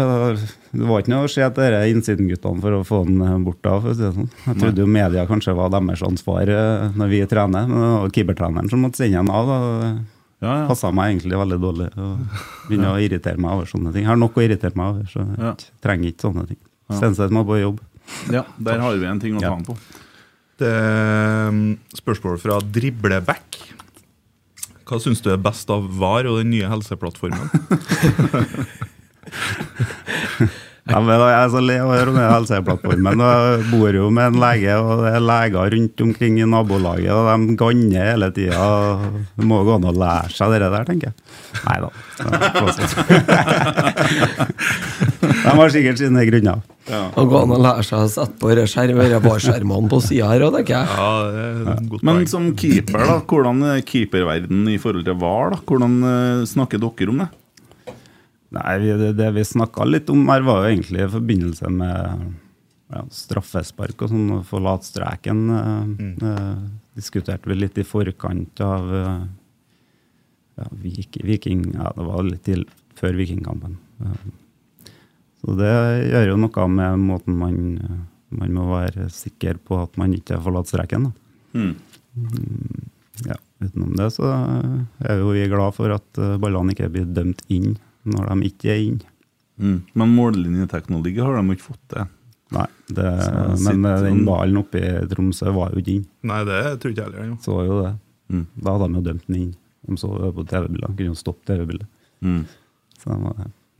Ja, Nå henger ikke jeg med hvilken ball vi snakker om. Tromsø-Molde. Tromsø-Molde Molde, var stor, de klaga jo Ja, sånn ja, ja, ja. Ja. Jo, men det var jo helt greit at ikke det ble eh, Ja, det var jo helt greit. Ja. Men uh, det er som en sier, at dem i var I var heter det, studio eller i Varrommet. varerommet, ja. De kan sitte og se på TV-skjermen og gi beskjed. Mm. Men det kunne de gjøre sjøl om eh, For varskjermen på Alfheim funka jo ikke.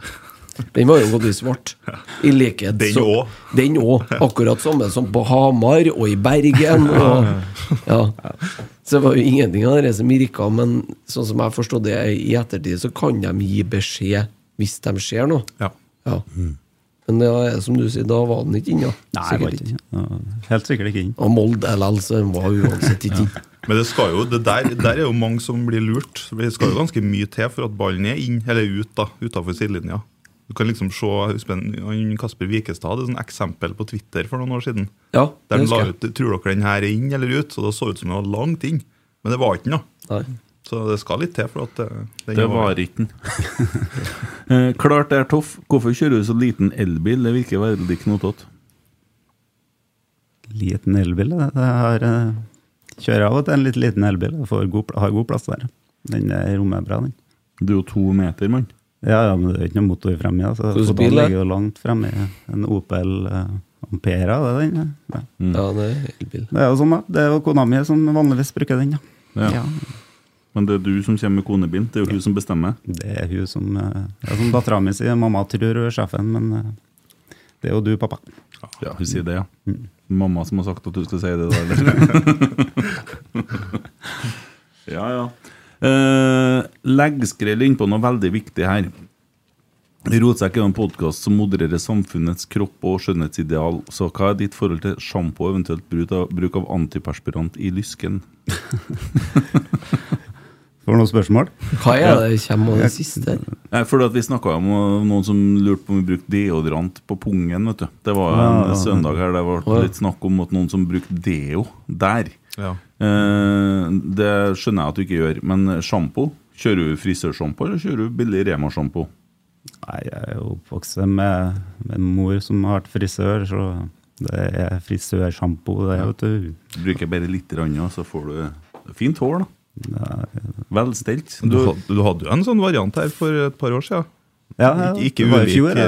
Hadde, i fjor, det, ja. var, det var langt, det. ja, jeg s- skjønner ikke hvorfor du klippet deg, for det er jo kult med langt hår. Ja, det ble bare et innfall. At, eh, det som starta, var at jeg, ikke, jeg orker ikke å klippe meg, jeg syns ikke det er artig å gå til frisøren hele tida. Så ja, fikk det bare gro litt, da. Og så ble det noe lenger og lenger, og folk begynte å mase om å klippe deg. Du må klippe deg. Og jeg er jo jævla sta, så når folk begynner med det, så skal jeg i hvert fall ikke klippe meg. Så sånn. Hadde jo bestilt meg frisørtime, og så kom jeg på jobb, og var en eller annen som sa, sa at nå må du klippe deg. Da avbestilte jeg den.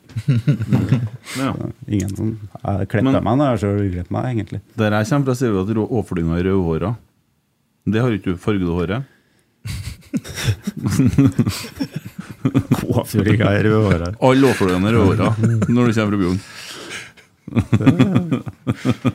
Jeg er kanskje ikke fra Åfjorden, da? Fargede håret? Nei, jeg farger ikke håret. Nei. Det er ikke så mye grått heller. Det er veldig fint og velstelt, syns jeg. Litt sånn Begynner å bli grå og tynnes og stadig vekk, da. Men eh, heldigvis så har jeg et trenerteam som er tynnere i håret enn meg foreløpig. Så Ja, det må jeg si. Der, der, der ser jeg det begynner å stå dårlig til. De, de snakker mye om håret sitt, faktisk. Ja, og- Veldig opptatt av hvordan de er på håret. Ja, men det som Geir og Kjetil snakker om, at de har høyt hårfeste. Men jeg prøver å trøste Geir med at hårfestet til Kjetil Det kommer litt i brennende lys i begge endene, for det kommer noe midt oppå her som begynner å bli glissent òg. Så det der, er- der er ikke mange Det er ikke mange fotballsesonger igjen, for det Nei, jeg tror ikke jeg hadde vært hovedtrener i Rosenborg, så tror ikke jeg hadde hår heller. eh. Kåre ble nå fort uh, gråhåra han når han tok over. Det, det er noe meninga i kysten og pitsen. Så. ja, så ut som deg når han begynte, og så ut som Arne Treholt når han er ferdig. Jeg har eh, merker det på kroppen at man har gått fra akademi til, til et A-lag, i hvert fall. At det, det er litt annet. Er litt trøkk? Litt annet trykk, ja. Det ser nå ganske behagelig ut der du står nede med kortlinja og Hæ? Rolig av meg da, ja, men eh, ja, det er noe omtrent eh, Keeperne er det kjæreste du har i min verden, da, vet du, så Du er jo veldig opptatt av at uh, de skal bli tatt godt vare på og få minst mulig kritikk. da. Mm. Altså, du blir jo litt mental trener her til keeperne. Det i hvert fall eh, ser noe på meg som et hjelpemiddel i forhold til at de skal være best mulig forberedt og støttespiller i tykt og dynt. Ja. Mm. ja. For dem er jo lett at det blir hakkekyllinger. Mm. Jeg fikk noen tips om noen jubelscener som finnes på YouTube, der du hopper og spretter helt alene på sidelinja med noen høye spark og noe greier. Kjenner du igjen det? Eh, stemmer sikkert det. det er, man kjenner jo på den derre gleden eh, som egentlig når man spilte sjøl, kjenner på Det betyr virkelig mye, da. Um, og da av og til så blir det litt ukontrollert jubling. Um, ja. Men den får jo vi òg på tribunen. Ja, det Ja, er jo sånn for alle, sikkert. Ja. Men eh, det er jo ja. For min del så har det jo blitt en livsstil. eh, Rosenborg har blitt en livsstil, så det, Mm. det er det eneste jeg ønsker at skal bli bra. Mm. Eh, TRD Fantasy Knug. Uh, mulig å få litt fart i André Hansen. Tar også steike lang tid med samte utspark, også når du ligger under. Den kan vi snakke litt om. Ja, det er jo akkurat uh, sånne ting man um, Keeperne er jo veldig fort at de Alt her, her henger jo sammen. Um, vil du heller ha en keeper da som uh, hiver ballen ut uh, før han har oversikt og gir fra seg ballen? Eller vil du ha en som bruker litt lengre tid og tar gode valg? Det handler jo litt om det, og så er det noen ganger setter man i gang hurtig for at situasjonen tilsier det, og noen ganger så ønsker man å sette i gang hurtig, men situasjonen tilsier det. Så det henger jo litt sammen, det der, da. Noen ganger bruker man jo litt lang tid, men det er jo Alt er for en grunn. Mm.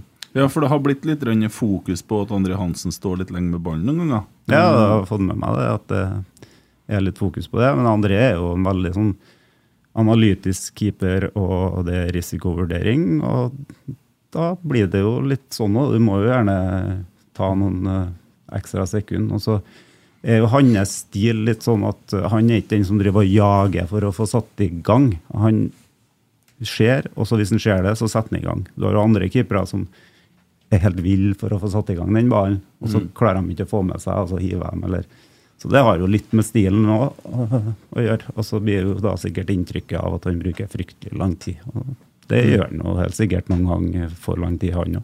Mm. Skal gi han sånn den mot Vålerenga hjemme i fjor, da. Da har han jo nesten nå sist, da. Han er jo nest sist eh, altså, Fra André opp til Ole, og så Kasper og mål. Ja, det er nest sist mot Kristiansund i fjor. Mm. Lerkendal. Så hans eh, erfaring er jo gull verdt med tanke på gode valg. Det, han er jo en mann som tar gode valg stort sett på alt han gjør, i, helt sikkert i livet òg, Mm. Personligheten hans er jo litt sånn òg. Kan jeg stille et spørsmål? Eh, nå, vi snakka litt om det her på søndag etter kampen. Det var fem, tror jeg, utspill som går utover sidelinja i løpet av kampen. Fire eller fem. Jeg tror det var fem.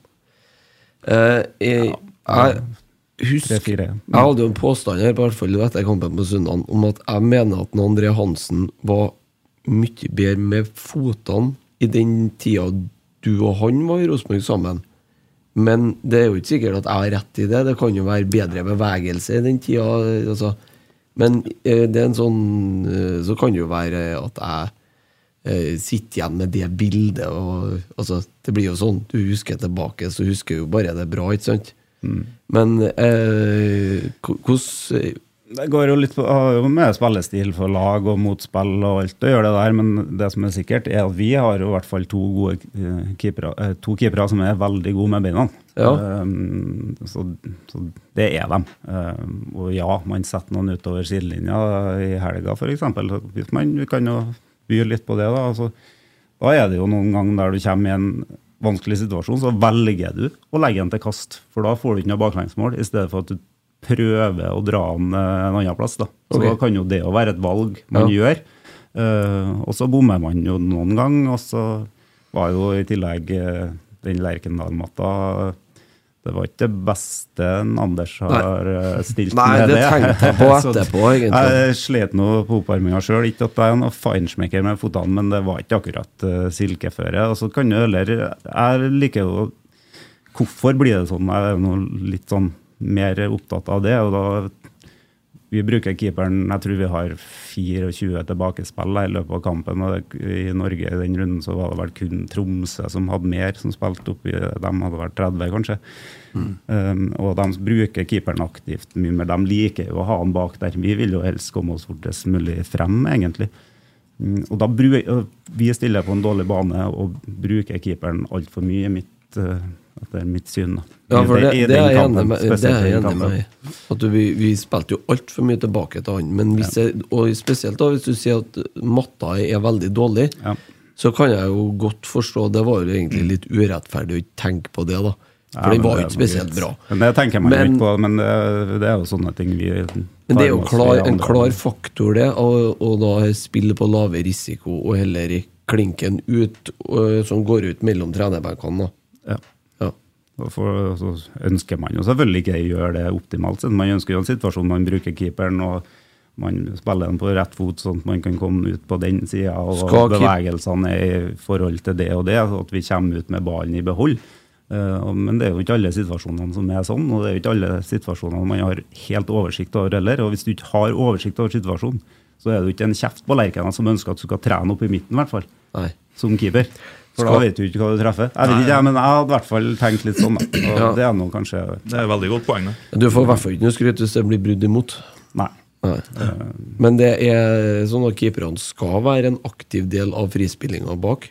Ja, vi, Man ønsker jo å beholde ballen i alle gitte situasjoner, sånn sett, så det er ikke noe sånn at man ikke skal bruke keeperen. Men når forholdene var som de var nå, så, og vi ender opp med å være det laget i Norge nesten som bruker den mest, så, inkludert kunstgresslagene, så, så var jo kanskje det å sette den i noen ekle situasjoner. Ja. Så er det Bare noe- en digresjon på kampen i helga. Vi snakka om eh, defensiv fotball osv. Uh, bare en sånn presisering på målet. Så går det fra en forsvarsspiller over til en annen forsvarsspiller, som eh, legger igjen til en forsvarsspiller, som legger den tilbake til forsvarsspilleren, som skårer mål. Det er tre forsvarsspillere som er involvert i den der eh, målsituasjonen. Pluss at jeg tror det står en hel brotta med rosenborgere inni 16-meteren der. Og spissene drar seg sjøl i nakken. Ja, men det, Poenget er at det er jo ikke defensivt det når det er forsvarsspillere som er oppe og gjør det der. Da er du ganske på, da. Eh, og det er jo greit å ta med, for det har vært mye snakk om hva som var dårlig i helga, men det er litt artig, det Pro- målet der. Ja, problemet tror ikke jeg om søndagen er jo ikke at vi har en defensiv innstilling. Jeg tror heller det at det lugger offensivt. Det er vel det mer riktig Altså, å si. da er det, jo, det er jo viktig å kan spille igjen sånne kamper. Altså når det lugger. Det er jo det som på en måte vil gi deg pokalene over tid. Da. Hvis du kan dra hjem sånne seire altså, ja, Hvis man ser seriemesterne de siste årene, så, så er det jo sånne kamper man på en måte kan dra inn. Ja. Ja, og så kan du jo se på Molde. De, kanskje, ja, kanskje de spilte en bedre fotballkamp sånn isolert sett, da. men de har null poeng. Ja. Og vi har tre. I fjor så vant Molde. Vi må aldri, aldri slutte å glede oss over når vi vinner. Altså, vi Nei, kan nei. ikke komme til det Det er sykdomstegn nummer én eh, til oss og det at man blir så skuffa over sjølve spillet at man, man glemmer nesten at man har vunnet. Det har jo vært sånn noen år. Ja. Og det, det, det er ikke bra, uansett. Og så ønsker vi jo alle sammen at det skal være festfotball, selvfølgelig. Selv om jeg ønsker at det skal være 1-0 hver jævla dag. Men Men vi har, vi har jo tre poeng i banken, og dem kan jo ingen ta ifra oss. Nei. Så enkelt er det jo. Sånn er det. Mm. Men Bare Thomas Kattem Gladså stilte et eh, spørsmål i rein Bjørn Skjæran-ånd. Nå skal du høre. Ja, Lunna er jo tidenes beste norske reservekeeper. Hvorfor ble han ikke reservekeeper på landslaget? Der fikk du to ord Det var Ja, én. ja, det var fint, det. Ja. Eh, ja, ja. Jeg vet ikke om jeg var verdens beste reservekeeper. Hvis du spør eh, dem som jobba tett med meg, så var jeg jo sint og sur eh, ganske ofte. Men jeg var, jeg var vel kanskje den som Jeg klaga ikke kjempemye utad. Jeg prøvde heller å bidra med det jeg kunne. Og, og så tror jeg trenerne i perioder var flinke til å sette pris på den jeg var, da, og det jeg betydde for laget. Og da er det lettere å være en reservekeeper òg, på det, det viset. Um, For alle er en del av laget, uansett. For at uh, vi, de som sitter på benken, det er veldig lett å gjøre en garderobe sur og misfornøyd. Så du må huske på at de er viktige, dem òg. Mm. Det tror jeg. Så vi jo Adrian og Eddie i fjor etter Bodø-kampen, når de ligger og ruller på gresset og koser seg der. Da, det, det er glede fra benken og det, og det, Ja. det er positivt. Det er veldig, veldig, veldig fint. Og så koster det egentlig Tenk deg den skuffelsen for dem som ikke får spille. De trener jo hele uka for å vise seg frem, dem òg. Mm. Mm. Og så får du ikke det. Og så skal du likevel være veldig glad for seieren. Mm.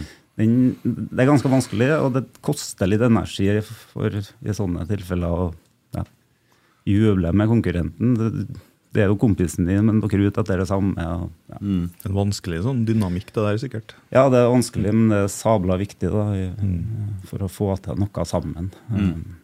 Var dere noe av det Martin eh, Lang, Langangergård jobba med i fjor, eller?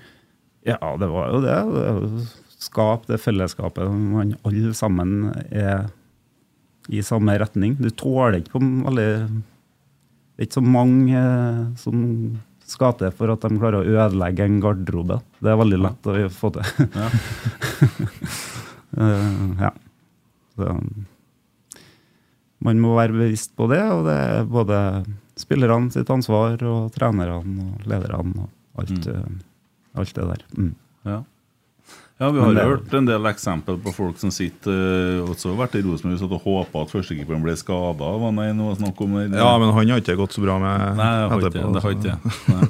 Det der er jo litt sånn, Man gjør jo ikke det når du sitter der. For du, det var jo for min egen del, og du vil jo få spill fordi at du fortjener det, for at du er god nok. Mm. Eh, Men samtidig så må du være klar, fordi at eh, av og til så skjer det jo. Eh, Og så Utfordringa med i, i en reservekeeper sin eh, er jo at du veldig ofte ikke får sjansen når du fortjener den, og fordi at du er i form. Du får den pga. noe annet. Mm. Eh, Og da skal du ha klart å holde deg opp der hele tida. Og det tror jeg jo kanskje jeg ble etter hvert ganske god på. Eh, Og alltid være forberedt og trengte ikke så mye kamptrening for å gå inn og levere eh, OK, da. Mm. Tror jeg kanskje var en av styrkene sånn i topplokket. Mm. Troll i nord, se, sett bort ifra hate, hate, hate Molde by etter seriegullet ble sikra i 2015. Hva er det beste minnet du har fra tida som Rosenborg-spiller? Jeg har veldig veldig mange gode minner fra tida som Rosenborg-spiller. Eh, Kamper man sjøl har spilt, er kan man jo selvfølgelig trekke frem. Man har vært med på Champions League, Europa, vært rundt og sett Ikke at jeg har spilt eh, så mange kamper, men jeg har nå vært med på stadion og sittet på benken der, da, i hvert fall. Og fått Ja, oppleve det. du var en del av laget da òg? Var veldig en del av laget, og du var i hvert fall en del av eh, bankettene etterpå. Ja. Det ble man god på, ja. Men,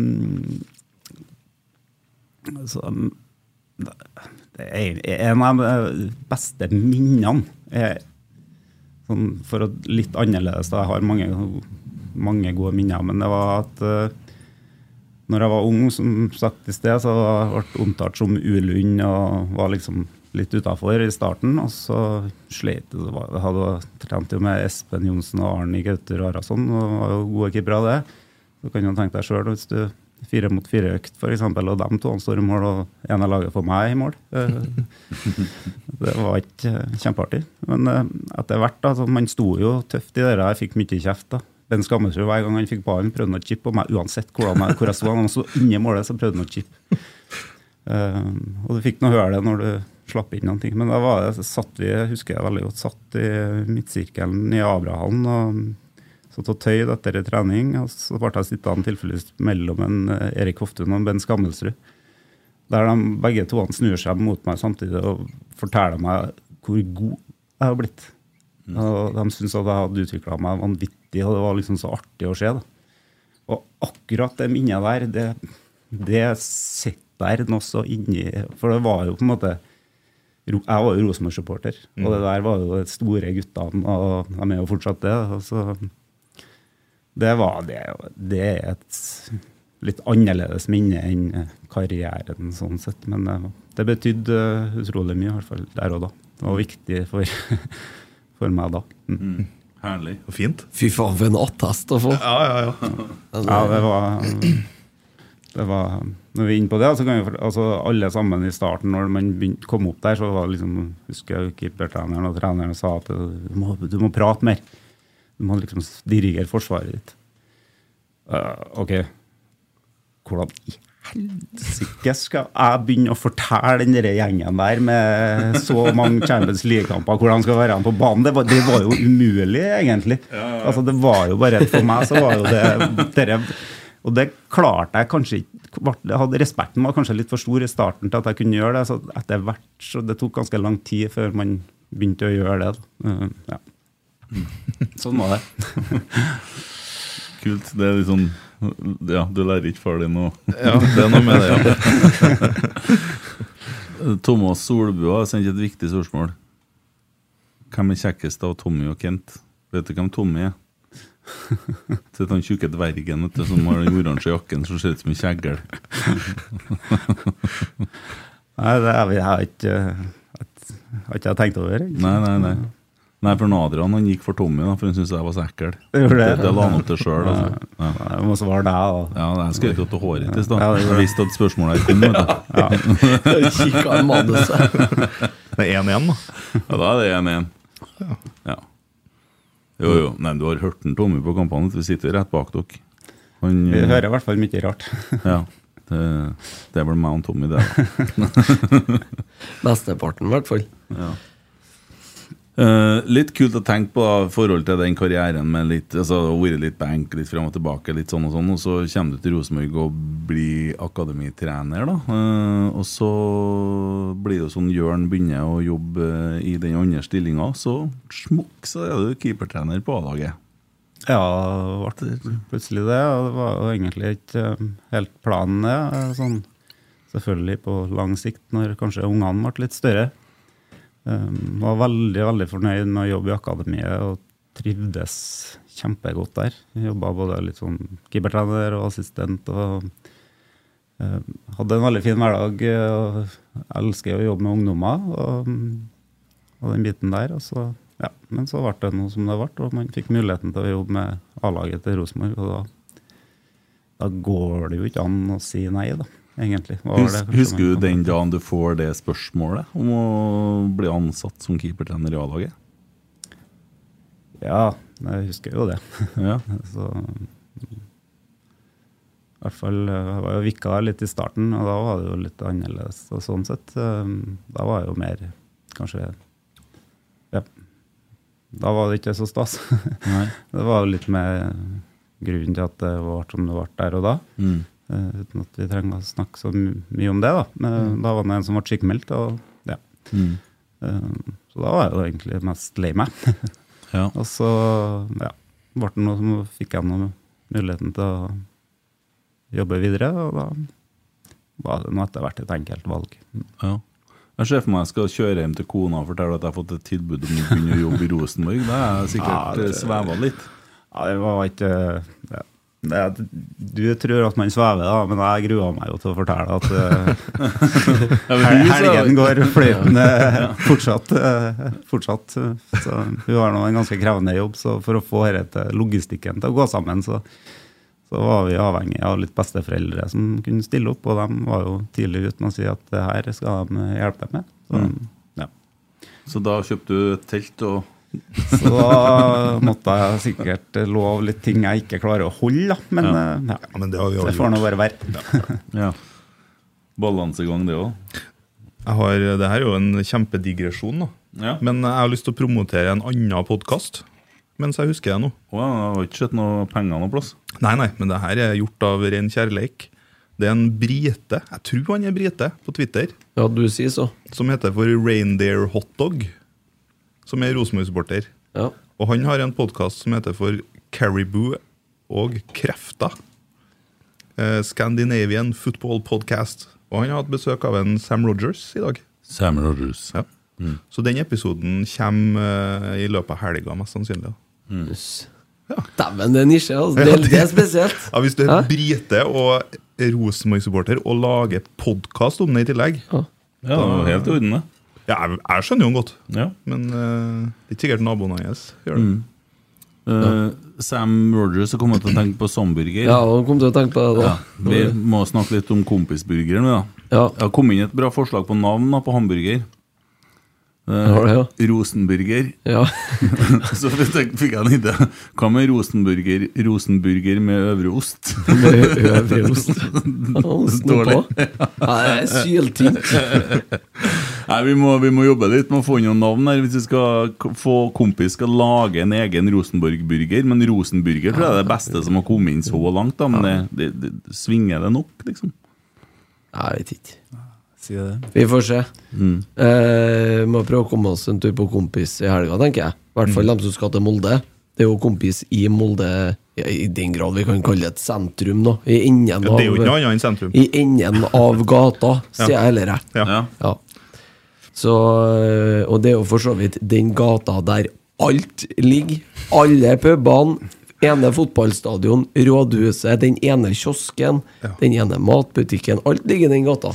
Du må Så huske- det er jo sånn oversiktlig og greit. Du må ikke glemme at det er 50-sone her, for det er tettbygd selv om det ikke ser sånn ut. Ja, det er legende Ja, han er på han gamlingen som Ja. var tatt i fartskontroll i Molde sentrum og trodde, nekta på at det var 50-sone, for Ja. det her var ikke tettbygd strøk. ja, Han er fin. Men eh, i hvert fall eh, der er det kompis i enden av gata. Ja. Så det er bare å gå inn her. Og eh, vi har jo fått oss en eh, Vi har jo fått oss en egen kode, Kent. Ja, det har vi.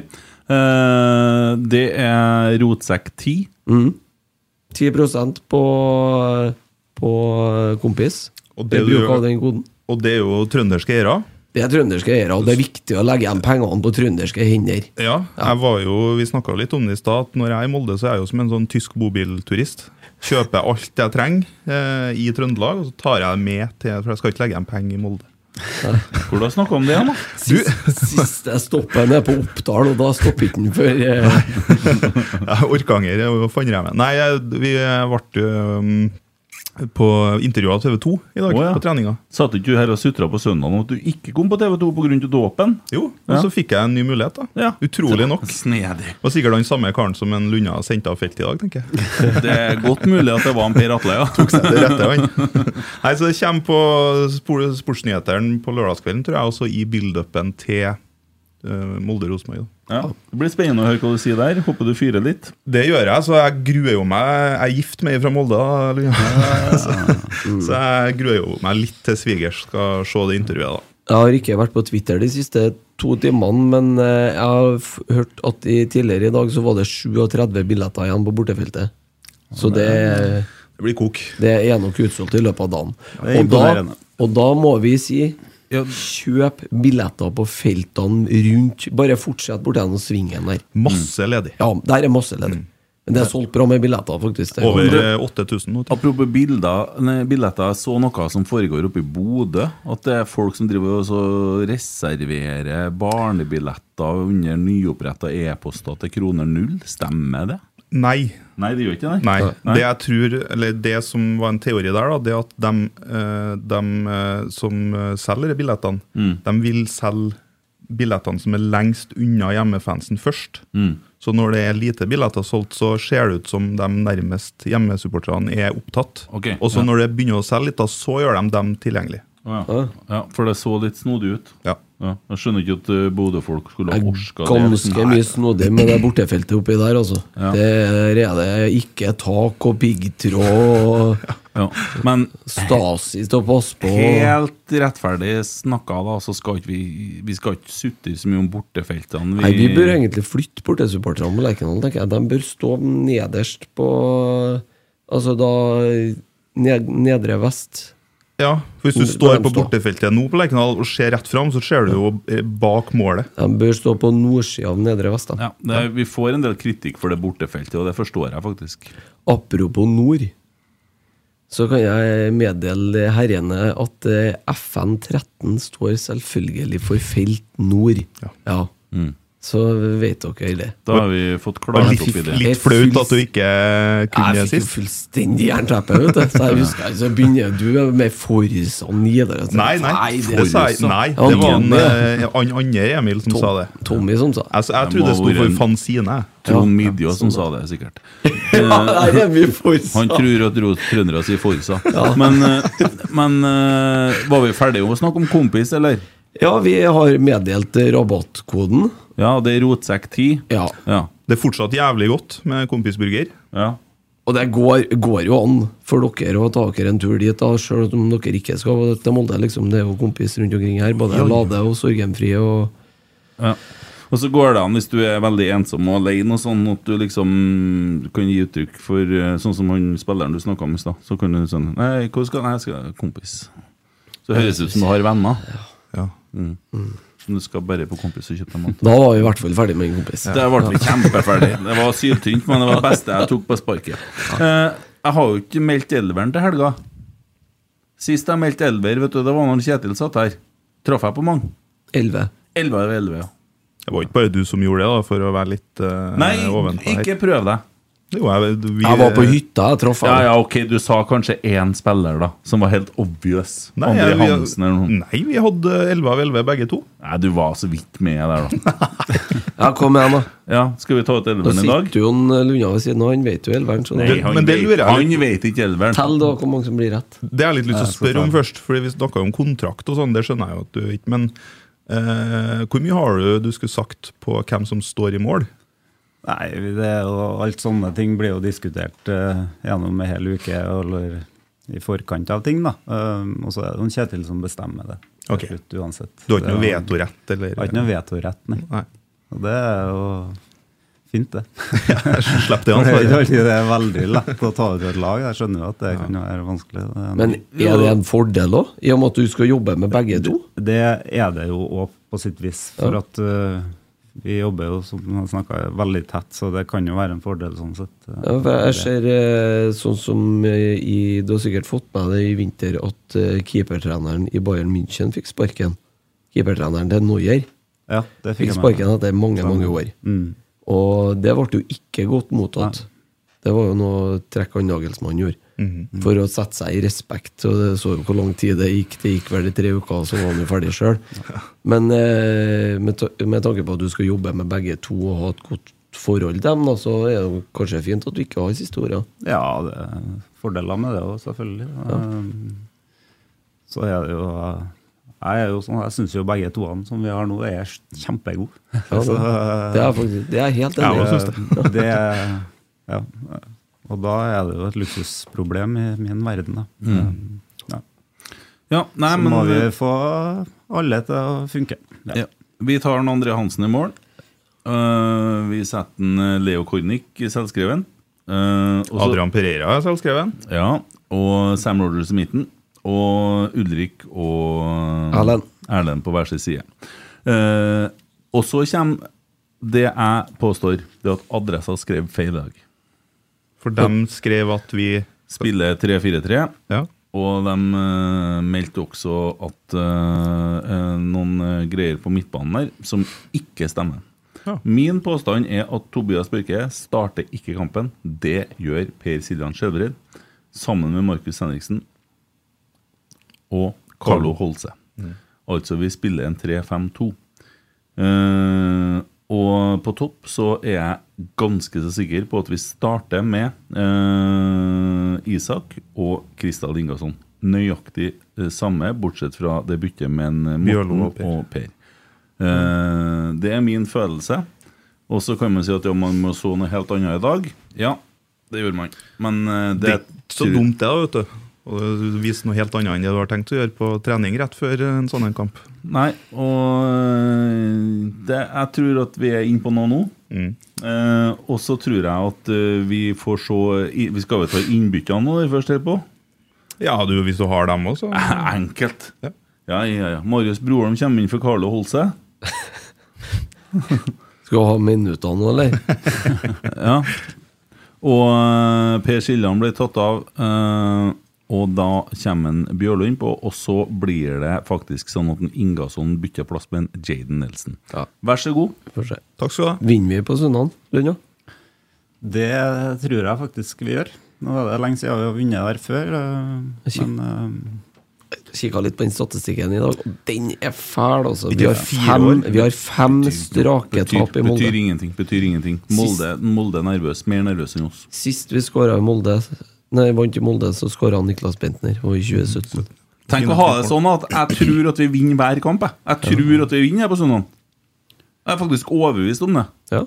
kan jeg bli skuffa, men det orker ikke jeg å bry meg om akkurat nå. Herregud, hva jeg gleder meg. jeg har den innstillinga nå at uh, nå har jeg vært i Molde og tapt en del ganger. Så nå eh, Du kommer jo nærme Det snur jo en hvis ikke. Ja, men du var med på den bussturen hjem når flaska ble planta på midtbanen, du, kanskje? Nei, det tror jeg var Det var 2015? Det var i Du 16. Var det det 16? 2016? Og var Ja, det det var 16? Ja, var- noen planker. Å, ja. Jeg har i hvert fall vært med noen runder der når vi har vunnet gullet der to ganger. Ja. Mm. Jeg har vært med og tapt noen kamper, så det, Det har smakt eh, veldig godt med en seier. eh, Det må jeg innrømme. Eh, Ja. Om jeg bare låse meg inn etterpå, så hadde jeg gjør noe Du jubler foran kjernen hvis Rosenborg vinner på søndag. Ja, Vi skal juble, da. Det er helt sikkert. Det skal vi. Men i 2010, var det da Nils Arne tok over for Erik Amrén som Ja. vikar? Var du i Rosenborg da? Nei, da hadde jeg gått til Odense. Ja, akkurat. For jeg lurer meg sånn på Jeg holdt på å lete etter den Rosenborg-Kongsvinger på YouTube. Mm. Når, første kampen Nils Arne, når det hadde Nils Arne-maskene. For jeg, jeg, jeg husker det var så hysterisk stor forskjell på Rosenborg fra den forrige kampen til den. Og så hvordan Rosenborg gikk ut. Og, ja, var, da han ble intervjua før kampen og sa at det skulle komme minst tre løp i lengderetninga samtidig.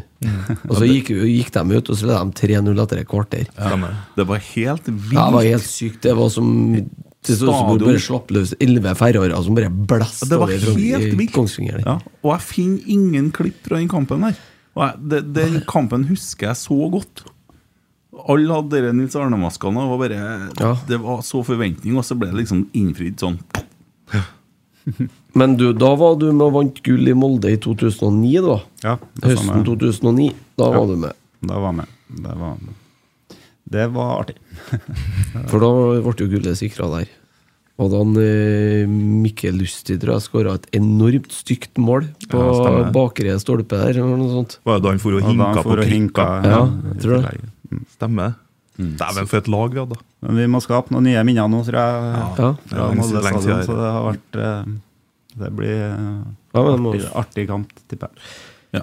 Det blir fullt, eh, full stadion og masse Rosenborg-supportere, i hvert fall. Mm. Og det er jo ikke for sent ennå for dem som ikke har kjøpt seg billett, men de må få ut fingeren. Mm. For det er snart utsolgt.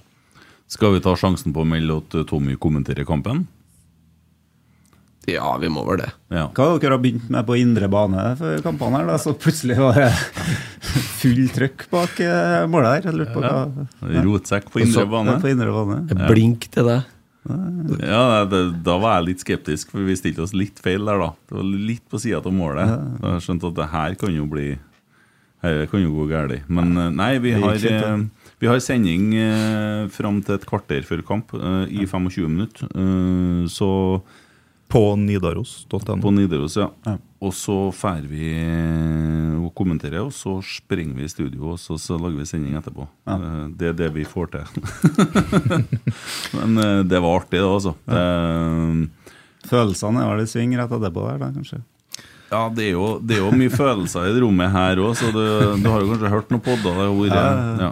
Det, var, det verste var jo når du hadde ferie denne gangen. Da hørte jeg en episode. Det var du som var programleder? eller? Nei, jeg, jeg, jeg trua han på forhånd med at jeg skulle være der, men jeg fikk ikke lov. Jeg var nede, da, da var det nesten så ikke jeg hørte på etterpå, for da, det, da stakk det av gårde litt for mye. eh, Å. Min smak. Det, var det, det- Ja, Var det i vinter? Nei, jeg husker ikke når det var. Eller var det i fjor, kanskje? Det Fjorsommer? var i hvert fall og, og noen Vipse spillere som fikk gjennomgå, da, for å si det sånn. Ja.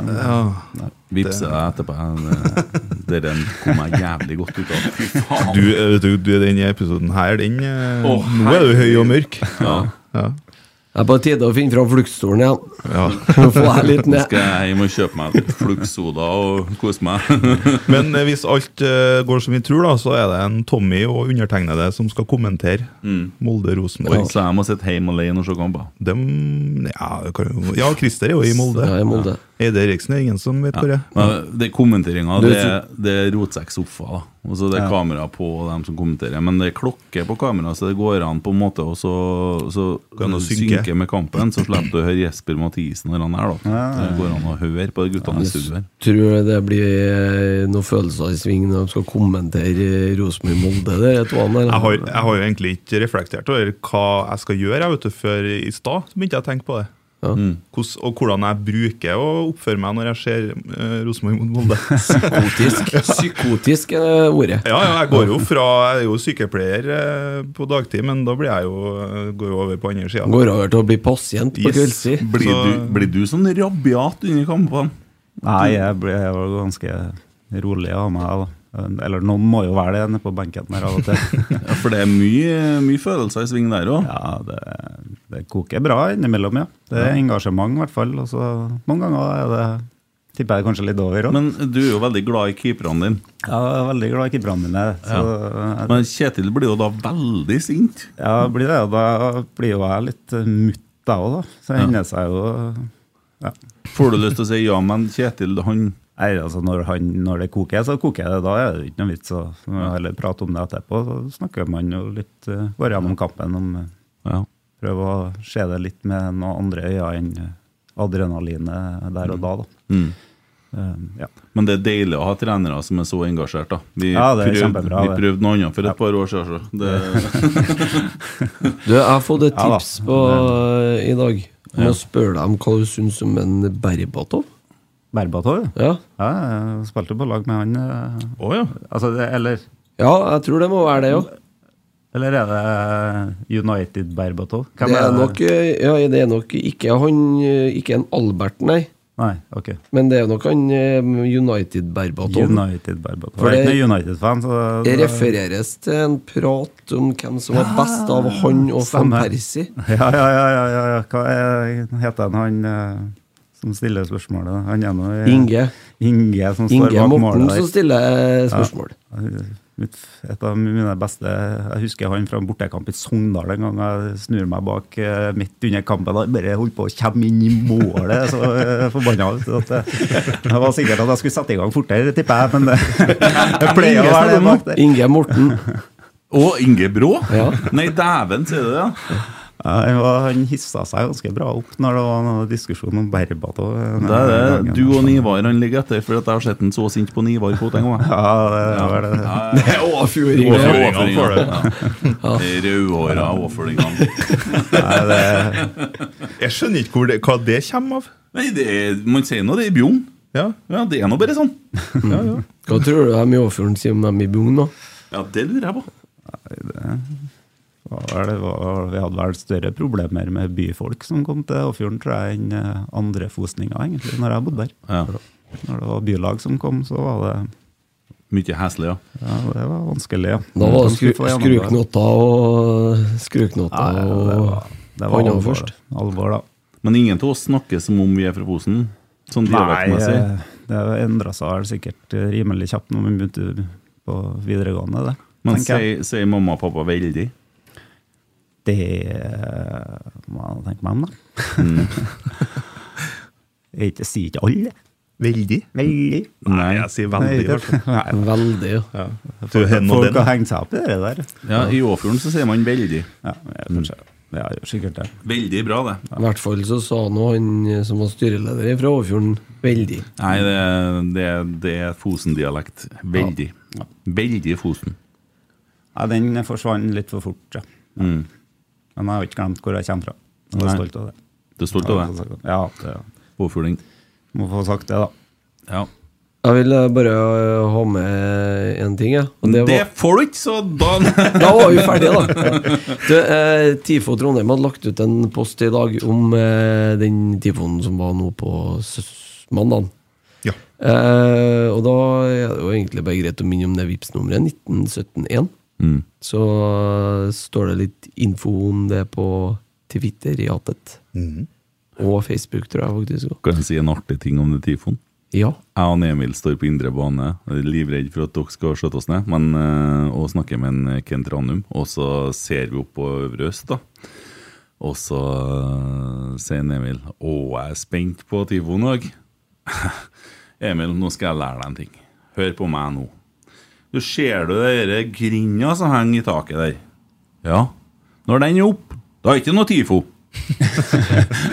For det er den de bruker når de heiser opp faenskapet. sant? I dag så er den oppi der allerede. Har de skulle ha brukt det, så har den vært ned. Da ser du tre vaiere. Så sånn, å, Det var et godt tips. Inn. Så går det og setter meg på plassen min, Der kommer faen meg Tifon! Bomma! Må variere litt, vet du. Ja, ja det syns jeg er kult at det ikke blir den vinsjen eh, hver gang. Ja, det må varieres, vet du. Mm. Det har Altså, blitt eh, veldig bra, det der, da. Det må man si. Det- Ja, de er flinke. Ja. Det ble som straffen til en Kjetil på TV2 i går. For dem som følger det, jeg må jeg skryte litt av det programmet. Eh, Jeg bare husker ikke hva det heter. Fotballpunch. Ja, Det er så mye rare navn på det nye der. Men- fotballpunch, det har de fått til. Ja, det I motsetning til fotballkveld, der bomma de fullstendig. Men det har de fått klar beskjed om. Ja. Det var jævlig bra, det programmet i går, med Kjetil. Mm.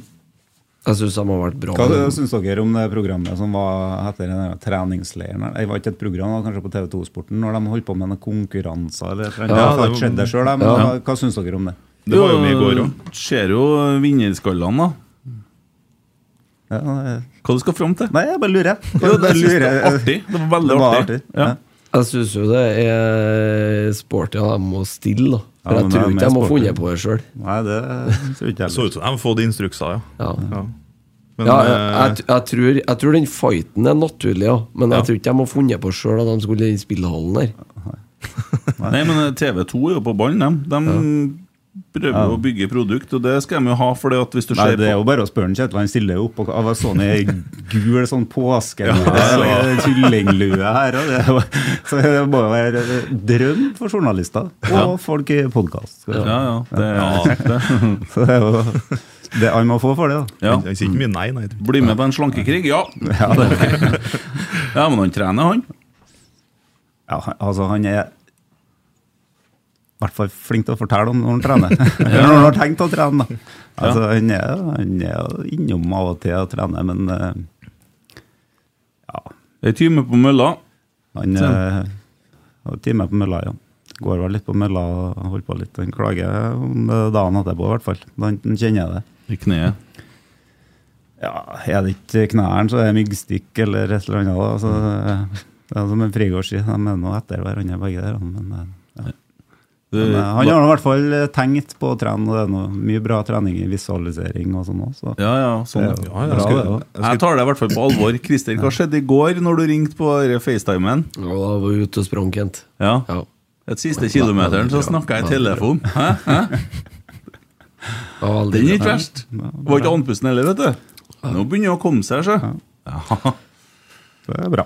Ikke at jeg får brukt det nå, men eh, Nei, nei, men det Nei, nå, nå tror jeg vi runder av her. Ja, Vi måtte jo legge inn en liten Ja. Nå har jeg jo vunnet en del konkurranser og fikk jo beskjed om hvordan rotsekk funka uten det. Dæven. Ja, og hvem som var kjekkest av deg og Tommy. Og nei, fy faen, nå er det Har du mye å ta med igjen? Du vet ikke hva du har satt i gang. Nei, jeg vet ikke, kanskje.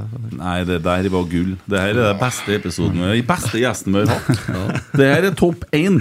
Topp én. Ja. Så det, det fikk du til veldig bra. Unnskyld, veldig bra. Veldig bra, det, vet du. Nei, men jeg tror da vi holder på å nærme oss slutten. To, to timer. Strålende for det. Ingen flere spørsmål fra dere heller? Nei, Eller det er, ikke, det er ikke dere som stiller spørsmål, kanskje det er bare gjestene? Eller dem på Twitter? Ja, men jeg hadde, jeg hadde en del sjøl, da. Ja, da lagde dem selv. Ja, Ulrik som ville være anonym der. Og, Ja, ja, det ja. tipser jo om at du er kjerringstyrt. Så. For folk med litt høye, høye hårfester. yes. Nei, men eh, tusen hjertelig takk for stunda, og skikkelig lykke til i helga. Takk for det. Måtte rettferdigheten skje fyllest, og at vi eh, tar med oss tre poeng fra Molde. Det håper Hvordan var den sangen igjen? Men eh, ja, den sangen, ja. Ja, eller det Vi har ikke snakka om den, faktisk. Nei, u- nei, vi har ikke Du er jo gudfaren til den, egentlig, til den videoen. Holdt uh, den sangen der i gang, ja. Ja. Det var, men eh, hva skal jeg si om den? Er du, er du som driver og retweeter den hele tida? Ja, ja. Ja. Det er sånn ca. en gang i uka, kanskje. Ja. Ja. Så bare hyggelig. Du, da må, jeg ta, da må jeg ta et siste spørsmål. For du fikk jo egentlig skylda, du. For den hele opptrinnet i byen der den gangen. ja, fy- Du, det kokte kokt bra da, faktisk. Du kom på brakka dagen etterpå, så sto hele Media-Norge her, og du fikk jo skylda for unger som ble mobba i Ja, fikk, det var, fikk mye galle for dere her. Jeg våkna jo dagen etterpå, vi var jo etter seiersfesten selvfølgelig. Og, mm, med 300 SMS på telefon og x antall Jeg husker ikke det eksakte antallet på Facebook, men det var noe helt vilt. Og, og det var liksom Det var jo fra noen av mine nærmeste kompiser. De holdt jo på å flirte seg i hjel.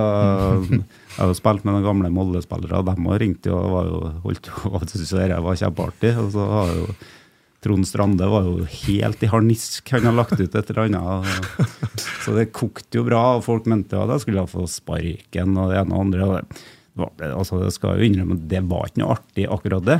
Eh, Men jeg hadde jo kommet til å gått på den samme blemma uansett. For ikke, altså du er inne på uteplassen her, og du tror ikke det er noe kamera her. Det eneste som sto i mitt hode, var jo hvordan skal jeg lage best mulig stemning her og nå? Det var jo et enkelt valg, da. Ja. Jeg var til stede i lokalet. Jeg kan bekrefte at du fikk i hvert fall respons. Ja, det, responsen men var det- enorm, den. Bak dere der så er det jo sånn at dere er en eh, fest som er i regi Kjernen. Dette var jo en kjempetabbe, egentlig. Jo, av og så har man slett inn journalister der. Inn Ja. Og det kommer aldri til å skje igjen. Og det var man jo ikke klar over heller, da. Uten, altså, dere er tatt ut av sammenhengen, altså, ut av Ja. kontekst, så ser det jo helt forferdelig ut. Og det, det, jeg skjønner jo på en måte greia at det blir noen reaksjoner, det er jo greit, men det, kokt, det var jo i tre uker etterpå det var skrivere om den saken her, og jeg tror det var biskopen som runda av etter tre uker i adressa. Med, Jo, og så det var jo det, det var ja. Og så syns jeg det er litt greit å si det samtidig, for du sier at det har ikke skjedd etterpå at media har sluppet inn på noe kjernenarrangement i hele tatt, etter den gangen der. Og det handler jo òg om hvordan eh, Adresseavisa har misbrukt den tilliten de fikk den gangen. For de filma alt, og, så, og det er jo greit altså, I den livesendinga så var det jo det en bitte liten del. Men hvordan de melka det der etterpå, og på en måte satt både Rosenborg-spillere og Rosenborg-supportere i en ræva bås, da. Ja. Så eh, da klart Kroken på døra. Nei takk, vi vil ikke ha noen til stede. Det har skjedd én gang etterpå. Og det var i forbindelse med 100-årsjubileet. Mm. Geir Svardal hadde eh, noe greier på bryggeriet. Da tror jeg NRK fikk lov å, å filme. Ok. Så Men eh, tross alt, da. Eh, noen andre lag ble jo stående og synge Vålerenga kirke eh, på en litt tom bar. Jeg vet ikke om de kom så jævlig mye bedre så ut. ut som det var covid ennå. Så, Ja, og så har du, har du jo det, du, det er mulig du ble upopulær hos noen, men du er jo evig populær eh, hos oss pga. blant annet det der, da, Alex. Ja, det var bra det var falt i går, men det var jo litt sånn uh, Ungene mine var små, så var dattera mi satt i baksetet. 'Jeg hater kø!' Og så mora snur seg. Nei, Vi sier ikke ordet hater i den familien her. og, så, og, jeg, og jeg bare blir jo helt øh, ja, de, Det er jo ikke lenge til de klarer å google far sin på YouTube, liksom. Så, ja. Men sånn er det. Så for den der får du ikke bort. Den, Den eh, kommer ikke bort, den. Og, ja. sånn, var- sånn er det. Det får vi leve, leve fint med at det er det verste jeg har gjort. Men de blir fort litt krenkende der, da. Vi kan jo, vi kan jo si det. Altså Molde, men. Ja, ja, ja, dem, ja. ja, ja. Men sånn er det. jo. Vil jo alltid være litt sånn, da. Men, Dæven, det ble ei bra, ble ei bra avslutning, faktisk. At vi tok ekstraomganger her nå. Ja, ja. ja. Uh, men igjen, det du sa i stad om den beste Herregud, altså. Ja. Virkelig vakkert. Tusen hjertelig takk for at du orka å ta turen. Lykke til i helga. Takk, takk for at jeg fikk komme. Tusen takk for besøket. Og lykke til du òg, Christer, helga. Hater Molde by.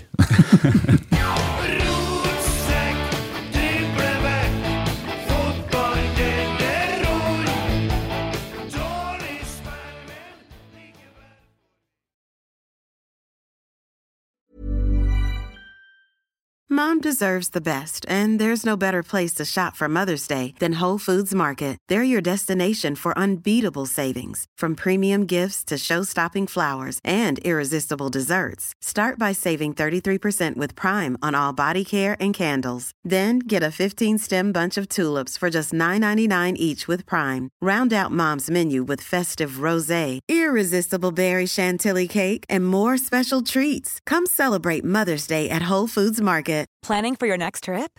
Elevate your travel style with Quince. Quince has all the jet setting essentials you'll want for your next getaway, like European linen, premium luggage options, buttery soft Italian leather bags, and so much more. And is all priced at 50 to 80% less than similar brands. Plus, Quince only works with factories that use safe and ethical manufacturing practices. Pack your bags with high-quality essentials you'll be wearing for vacations to come with Quince. Go to quince.com slash pack for free shipping and 365-day returns.